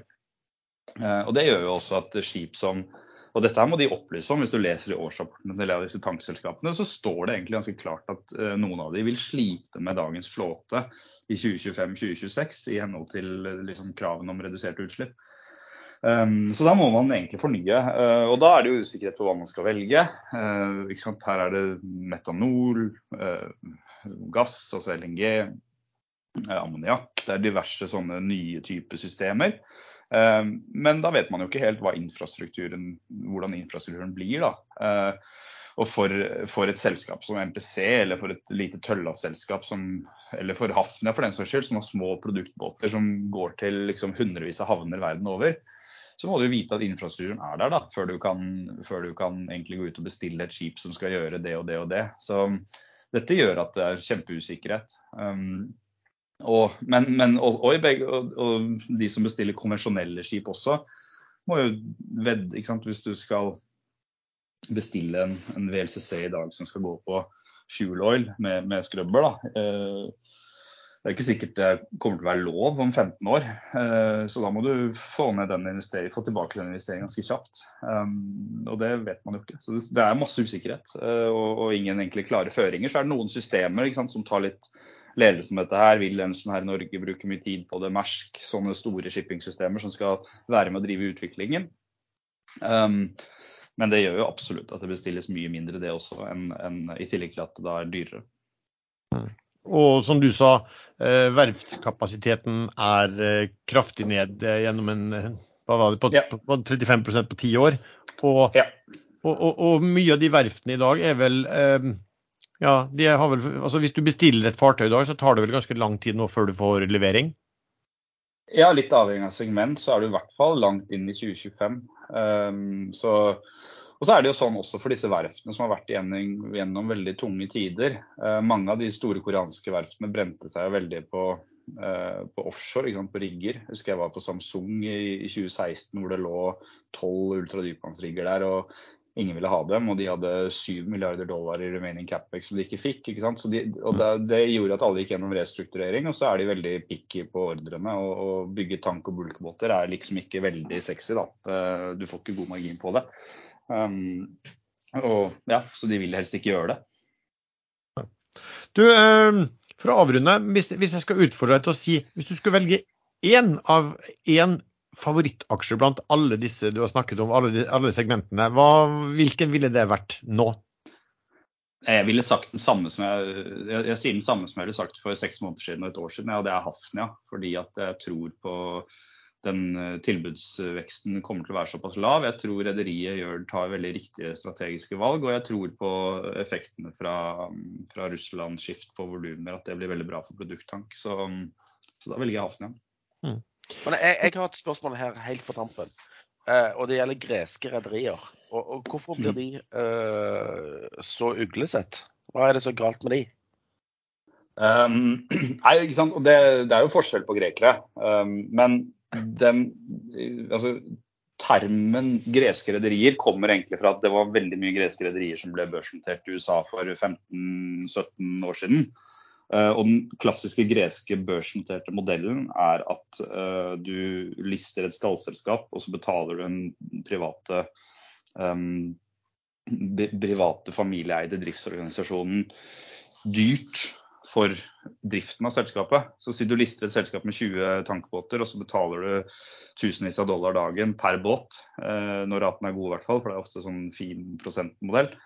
Um, og da får du, og så eier de ofte ikke majoriteten av selskapet. De sitter og eier 10% men de har i realiteten full kontroll. Så, så, det handler litt om sånn alignment of interest, og at de egentlig er mer insentivert, har vært historisk uh, aldri insentivert til å selge skip, veldig insentivert til å bestille skip, for da blir det mer business på private, private selskap osv. Så, videre. så Så det er egentlig hovedgrunnen. Dårlig Det er sånn sug, sugerør i kassen-modell? Uh, yes, yes. Og I USA, og, og, i dag så vil det aldri fungere å notere et sånt selskap. Og Okianis, som jo er det siste greske rederiet som ble notert, er jo ikke sånn i det hele tatt. Der eier grek, altså Alafosos-familien eier over 50 uh, De har, betaler ikke noe dyre dommer eller noen ting, og, og har et sterkt styre med gode in, amerikanske investorer som, som, som, passer på at uh, hvis han skulle gjøre noe, så ville han ikke kunne gjøre det. Men, men, igjen, de har gjort veldig riktige ting. De har solgt båt på et tidspunkt, de har kjøpt når de skulle kjøpe og sånn. Så, men, men, det er veldig mange noterte greske rederier i USA som, som, ikke vi gidder å bruke noe tid på og ikke følger, som, som har den modellen som, som er helt ellevill. Altså veldig, veldig negativ for minoritetsaksjonærene. Takk for oppklaringen. Ok, Erik. Da, da, takker jeg så mye for at du ville stille opp eh, hos oss og ga oss en veldig god innføring i mm, mange ulike mm, segmenter. Jeg håper du kan komme tilbake en, en eh, senere anledning. Og så ønsker jeg selvfølgelig eh, lykke til med Middlesbrough. Tusen takk for det.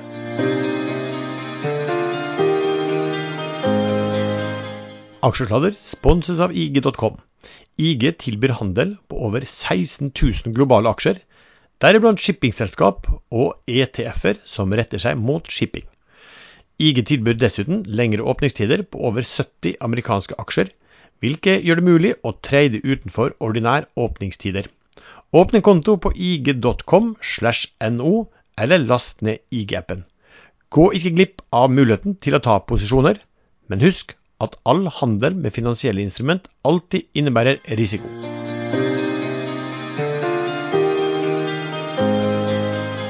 Mm, Skal vi kaste oss over til det vi bruker å avslutte episoden med, med og vi har noen favoritter for uken som kommer. Sven?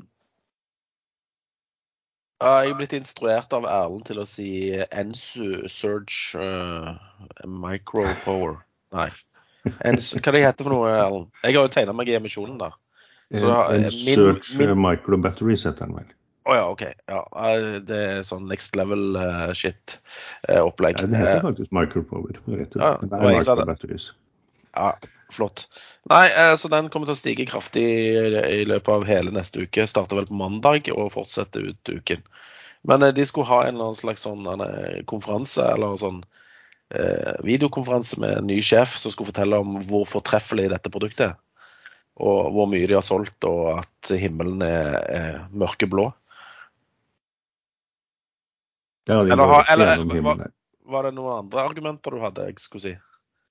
Nei, det er, for meg er det et rent sånn vakuum-case som har alle ingrediensene. Det kommer, en, eh, kommer mer, eh, mer enn dobbelt så mange aksjer eh, ut som det er i selskapet i dag. Eh, De fleste smarte har solgt seg ned. og han Keat, som eh, er eh, verdens mest troverdige person, han kan ikke selge og har heller ikke solgt. Og Så vidt jeg vet så er det ikke mulig å låne aksjer i den heller akkurat nå. Det ligger egentlig ingen på salg. Det, det går ikke an å låne aksjer, nei. Jeg har jo blitt tildelt 500 000, nei 5 millioner faktisk aksjer. Som, som kommer den 14., var det det? Eller etter den 14. Så det er sånn eh, De store aksjonærene som var der før, de solgte seg så godt som helt ut eh, før emisjonen ble meldt. Det var fantastisk god timing. Eh, Jeg tror ikke de som er der nå på toppen kommer til å selge. Og da er det bare sånne dumme tredere som meg igjen, som ikke skjønner noen ting. Og hvis det da plutselig kommer en melding før de nye aksjene kommer, så, så går kursen gjerne på det. Men dette er high risk trading, så dette er ikke noe man skal leke med. Ja, nei, e- egentlig så er jeg jo kjempebull på sånne subsea-skip.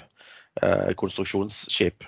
Eh, men det er vel litt vanskelig å få tak i aksjer der. Og favoritten min er jo egentlig Doff Subsea. Eh, og Mons Aase, eh, sjefen for Doff, var jo på denne her konferansen som du var på, Lars. Eh, og fortalte om selskapets fortreffelighet og guiding for 2023. Ja. Du har fått med hva som har skjedd nå? Ja, ja. Men jeg, jeg bare la meg fullføre. De guida på en EBITDA på 4,2 til 4,7 milliarder kroner for 2023. Og 2024 kommer til å bli bedre. Så eh, skulle gjerne kjøpt noen aksjer i Doff, altså, hvis det var mulig. Hmm, Det er jo det Er det- som er mulig at det nå faktisk blir utsatt hele børsnoteringen. Eh, Når advokat, Det som har skjedd er at han Brøndbo, en av eh, sjefen for opprørsgruppene, og som faktisk er en av de store aksjonærene, eide over 55 Ja. som kom inn i styret og trakk seg fra styret. Han har nå anket eh, konkursåpningen, og det kan han gjøre fordi selskapet skylder han noen honorarer fra styrearbeidet. Så han er Ja, men han er egentlig kreditor. Det er helt rette måten å gjøre det på. Men Ja, eh, jeg må jo si jeg er imponert. Ja, Om det jeg- når fram, det tviler jeg på, men jeg er imponert over stayerevnen og Ja. smutthullet hans. sånt. Jeg snakket du- med en advokat i går og spurte om dette kunne føre til eh, forsinkelser osv. Det tvilte han på, for de kom til å kjøre parallelle prosesser.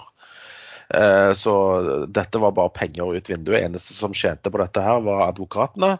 Og spesielt advokatene i det firmaet som bistår kreditorene i, i Doff. fordi de må jo da betale dobbelt fordi at de må kjøre disse to prosessene eh, parallelt. Men du Sven, han- eh, den der Ja. obligasjon, obligasjonen, Doff Subsea-obligasjonen, hvordan prises den nå? Nei, det er tre stykker. Det er, det er Doffsub 07, 08 og 09. Eh, en av de er dollar. Den vet jeg ikke hvor prises. Men 07 som jeg kjøpte på 91, eh, prises nå over 100. Fordi at det kommer til å bli bra trykk i, i de aksjene der når de eh, blir levert. Og selskapet sjøl sa at de hadde som mål å komme seg på børs igjen i juni.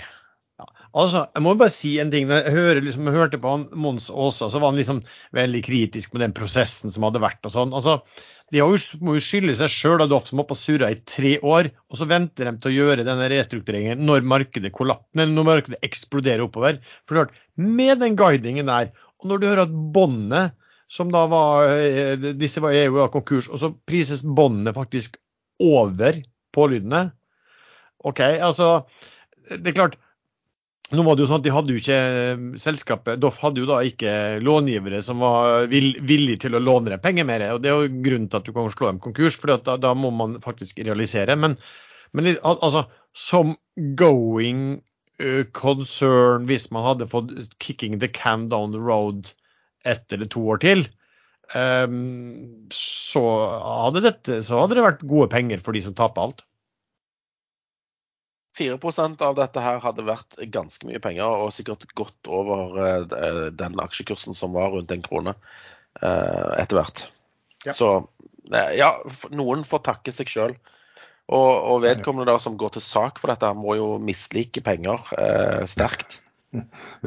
Men han Skjøtt, som da var første rekonstruktør, oppnevnt av rekonstruksjonsdommen Ja, Nå heter vel ikke advokaten Skjøtt, men selskapet. Ja, selskapet heter Skjøtt. Han er nå bobestyrer, og han sier at han ikke har full oversikt over hvilke, hvilke konsekvenser anken får for prosessen. Det sa han i går. Ja, riktig.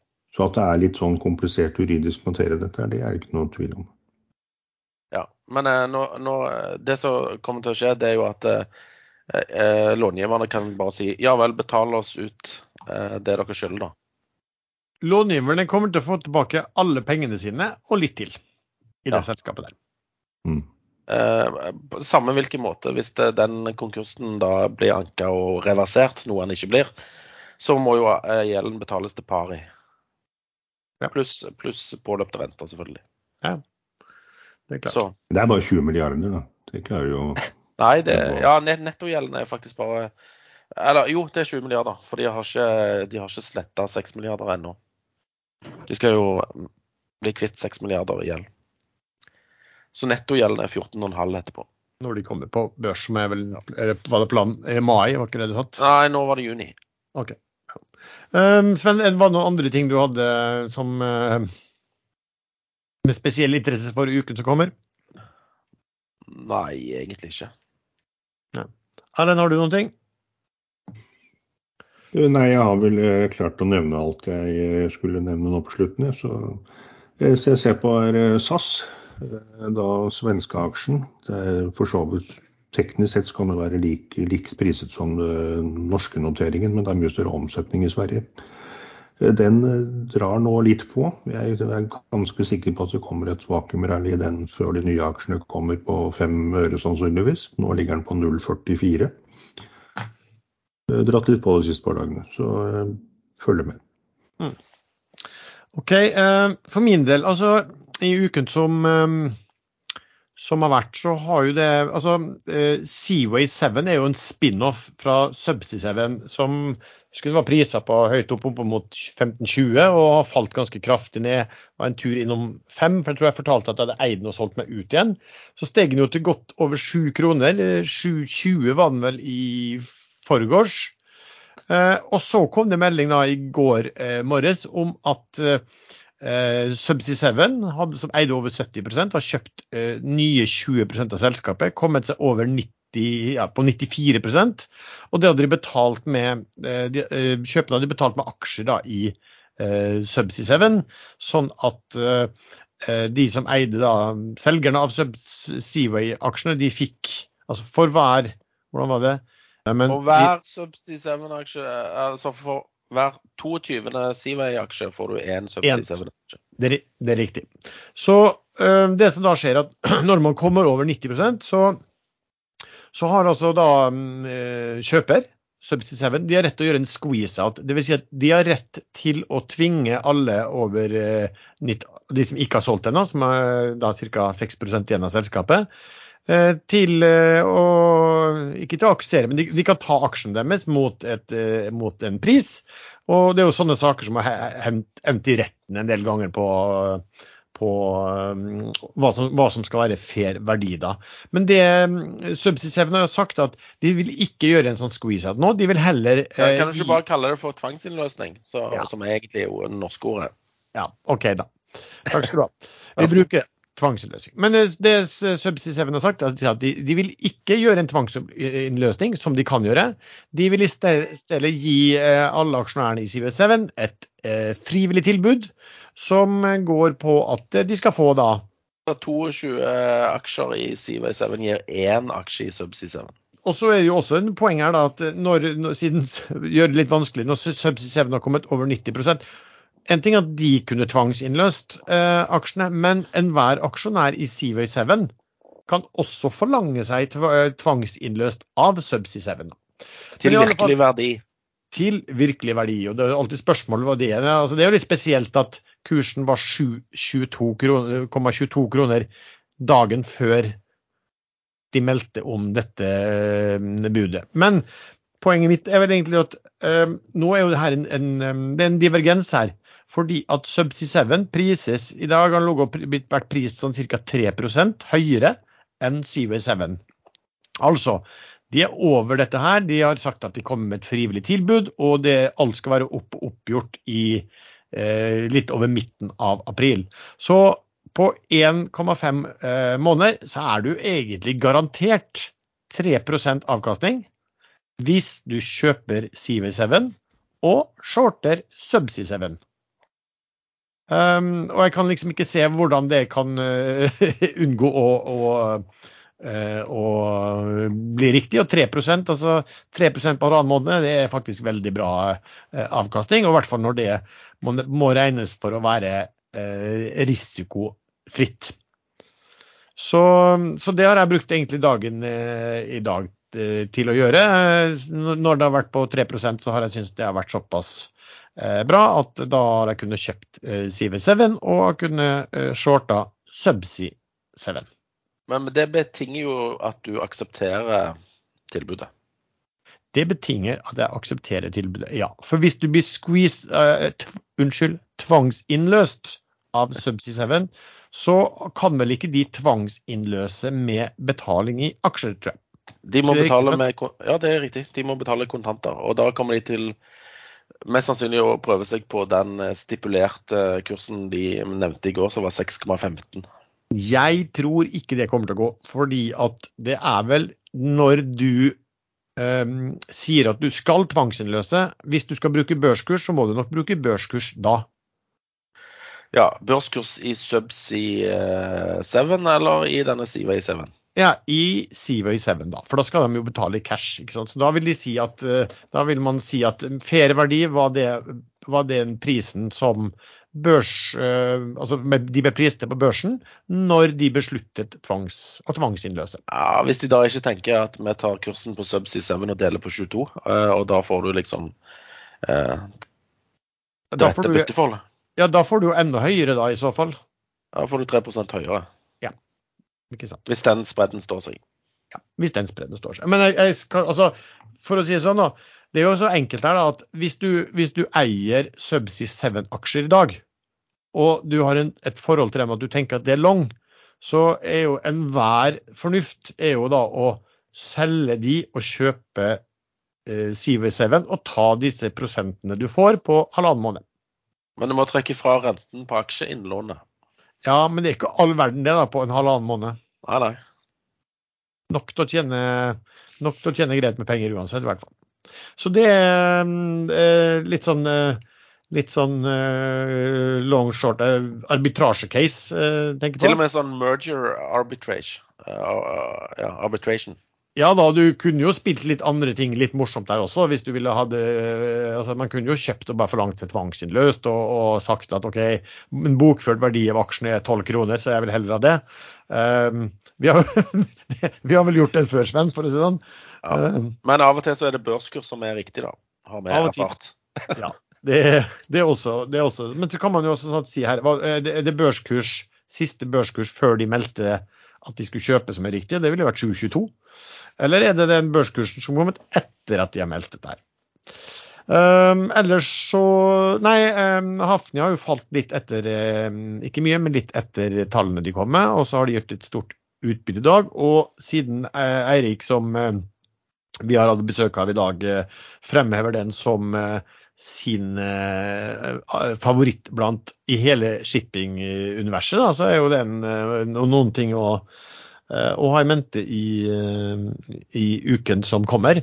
Eller som nevnt, jeg har kjøpt mye Standard Drilling, og det er fordi at sagt, rabatten har blitt veldig stor eh, igjen. Um, og det var en stor aktør som solgte seg ut. Um, og så får vi se hva de gjør. Jeg så Herspitalen var på presentasjonen eh, på, på torsdag på, på onsdag var det på, på den Sparebank1-konferansen og satt der og lyttet til um, de to eventene som var på rigg. Så skal ikke se bort ifra at jeg, jeg, tror nok at de kommer til å gjøre et eller annet nå med, med den halve milliarden de, uh, de har i, i cash. da. Ellers kan jeg si på den konferansen at altså, det var jo to paneler med, med riggselskap. Én med disse store selskapene og én med de, kanskje litt mindre og de som hadde jackups. Altså, de var så bull, bullish på det markedet og, og fremtiden at, uh, at det er knapt nok uh, eh, sett maken. og da, så, så, det eneste som jeg liksom bet meg merke var, var egentlig hva, hva, kunne de si om eh, nedsiden. Og det er vel tilgang på dyktig personell, eh, kostnadsinflasjon. Og så er det jo verftet også som eh, vi sa her under shippinginnslaget at, at verftene er dårlig med kapasitet der, og de skal altså gjøre klassing og reaktivering av en del rigger. Så klart, det må passe inn i timeplanene der også, og, og, vi vet jo også at prisene på det blir, eh, blir dyrere. Men som sagt, disse riggselskapene var, var, ekstremt uh, bullish, og ja, jeg vil jo også si at din, din seismikk var, var, rimelig optimistisk til uh, framtiden, de også. Og når Mons Aase i Doff er såpass bullish, så da, da, blir det ganske bull, altså. Da blir det ganske bull. Men, men jeg syns altså, kanskje han han um, var jo der, han i Solstad, i Solstad Offshore. Um, han var jo optimistisk, han også, men han så jo også for seg at, at etter hvert så ville, man, eh, ville, det komme nybygg inn i dette markedet. Selv om andre aktører sier at liksom, da, må, da må prisene eh, veldig mye høyere. da. Men jeg forstår i hvert fall at innenfor CSV, altså offshore konstruksjonsfartøy, så er vel det markedet mm, tilnærma utsolgt. Og der ja, får de vel veldig veldig gode rater sikkert i en hel del år framover. OK, er det noe mer dere har lyst til å tillegge, eller skal vi bare ta helgen? Da takker vi så mye til deg som har lyttet på denne episoden. Du treffer stadig oss tre chattene inne på mm, Ekstrainvestor. Eh, vi har også en gruppe på Facebook som heter podkasten Aksjelader. Musikken er som vanlig laget av sjazz.com, og vi høres. Ja, det tok sin tid, dette her.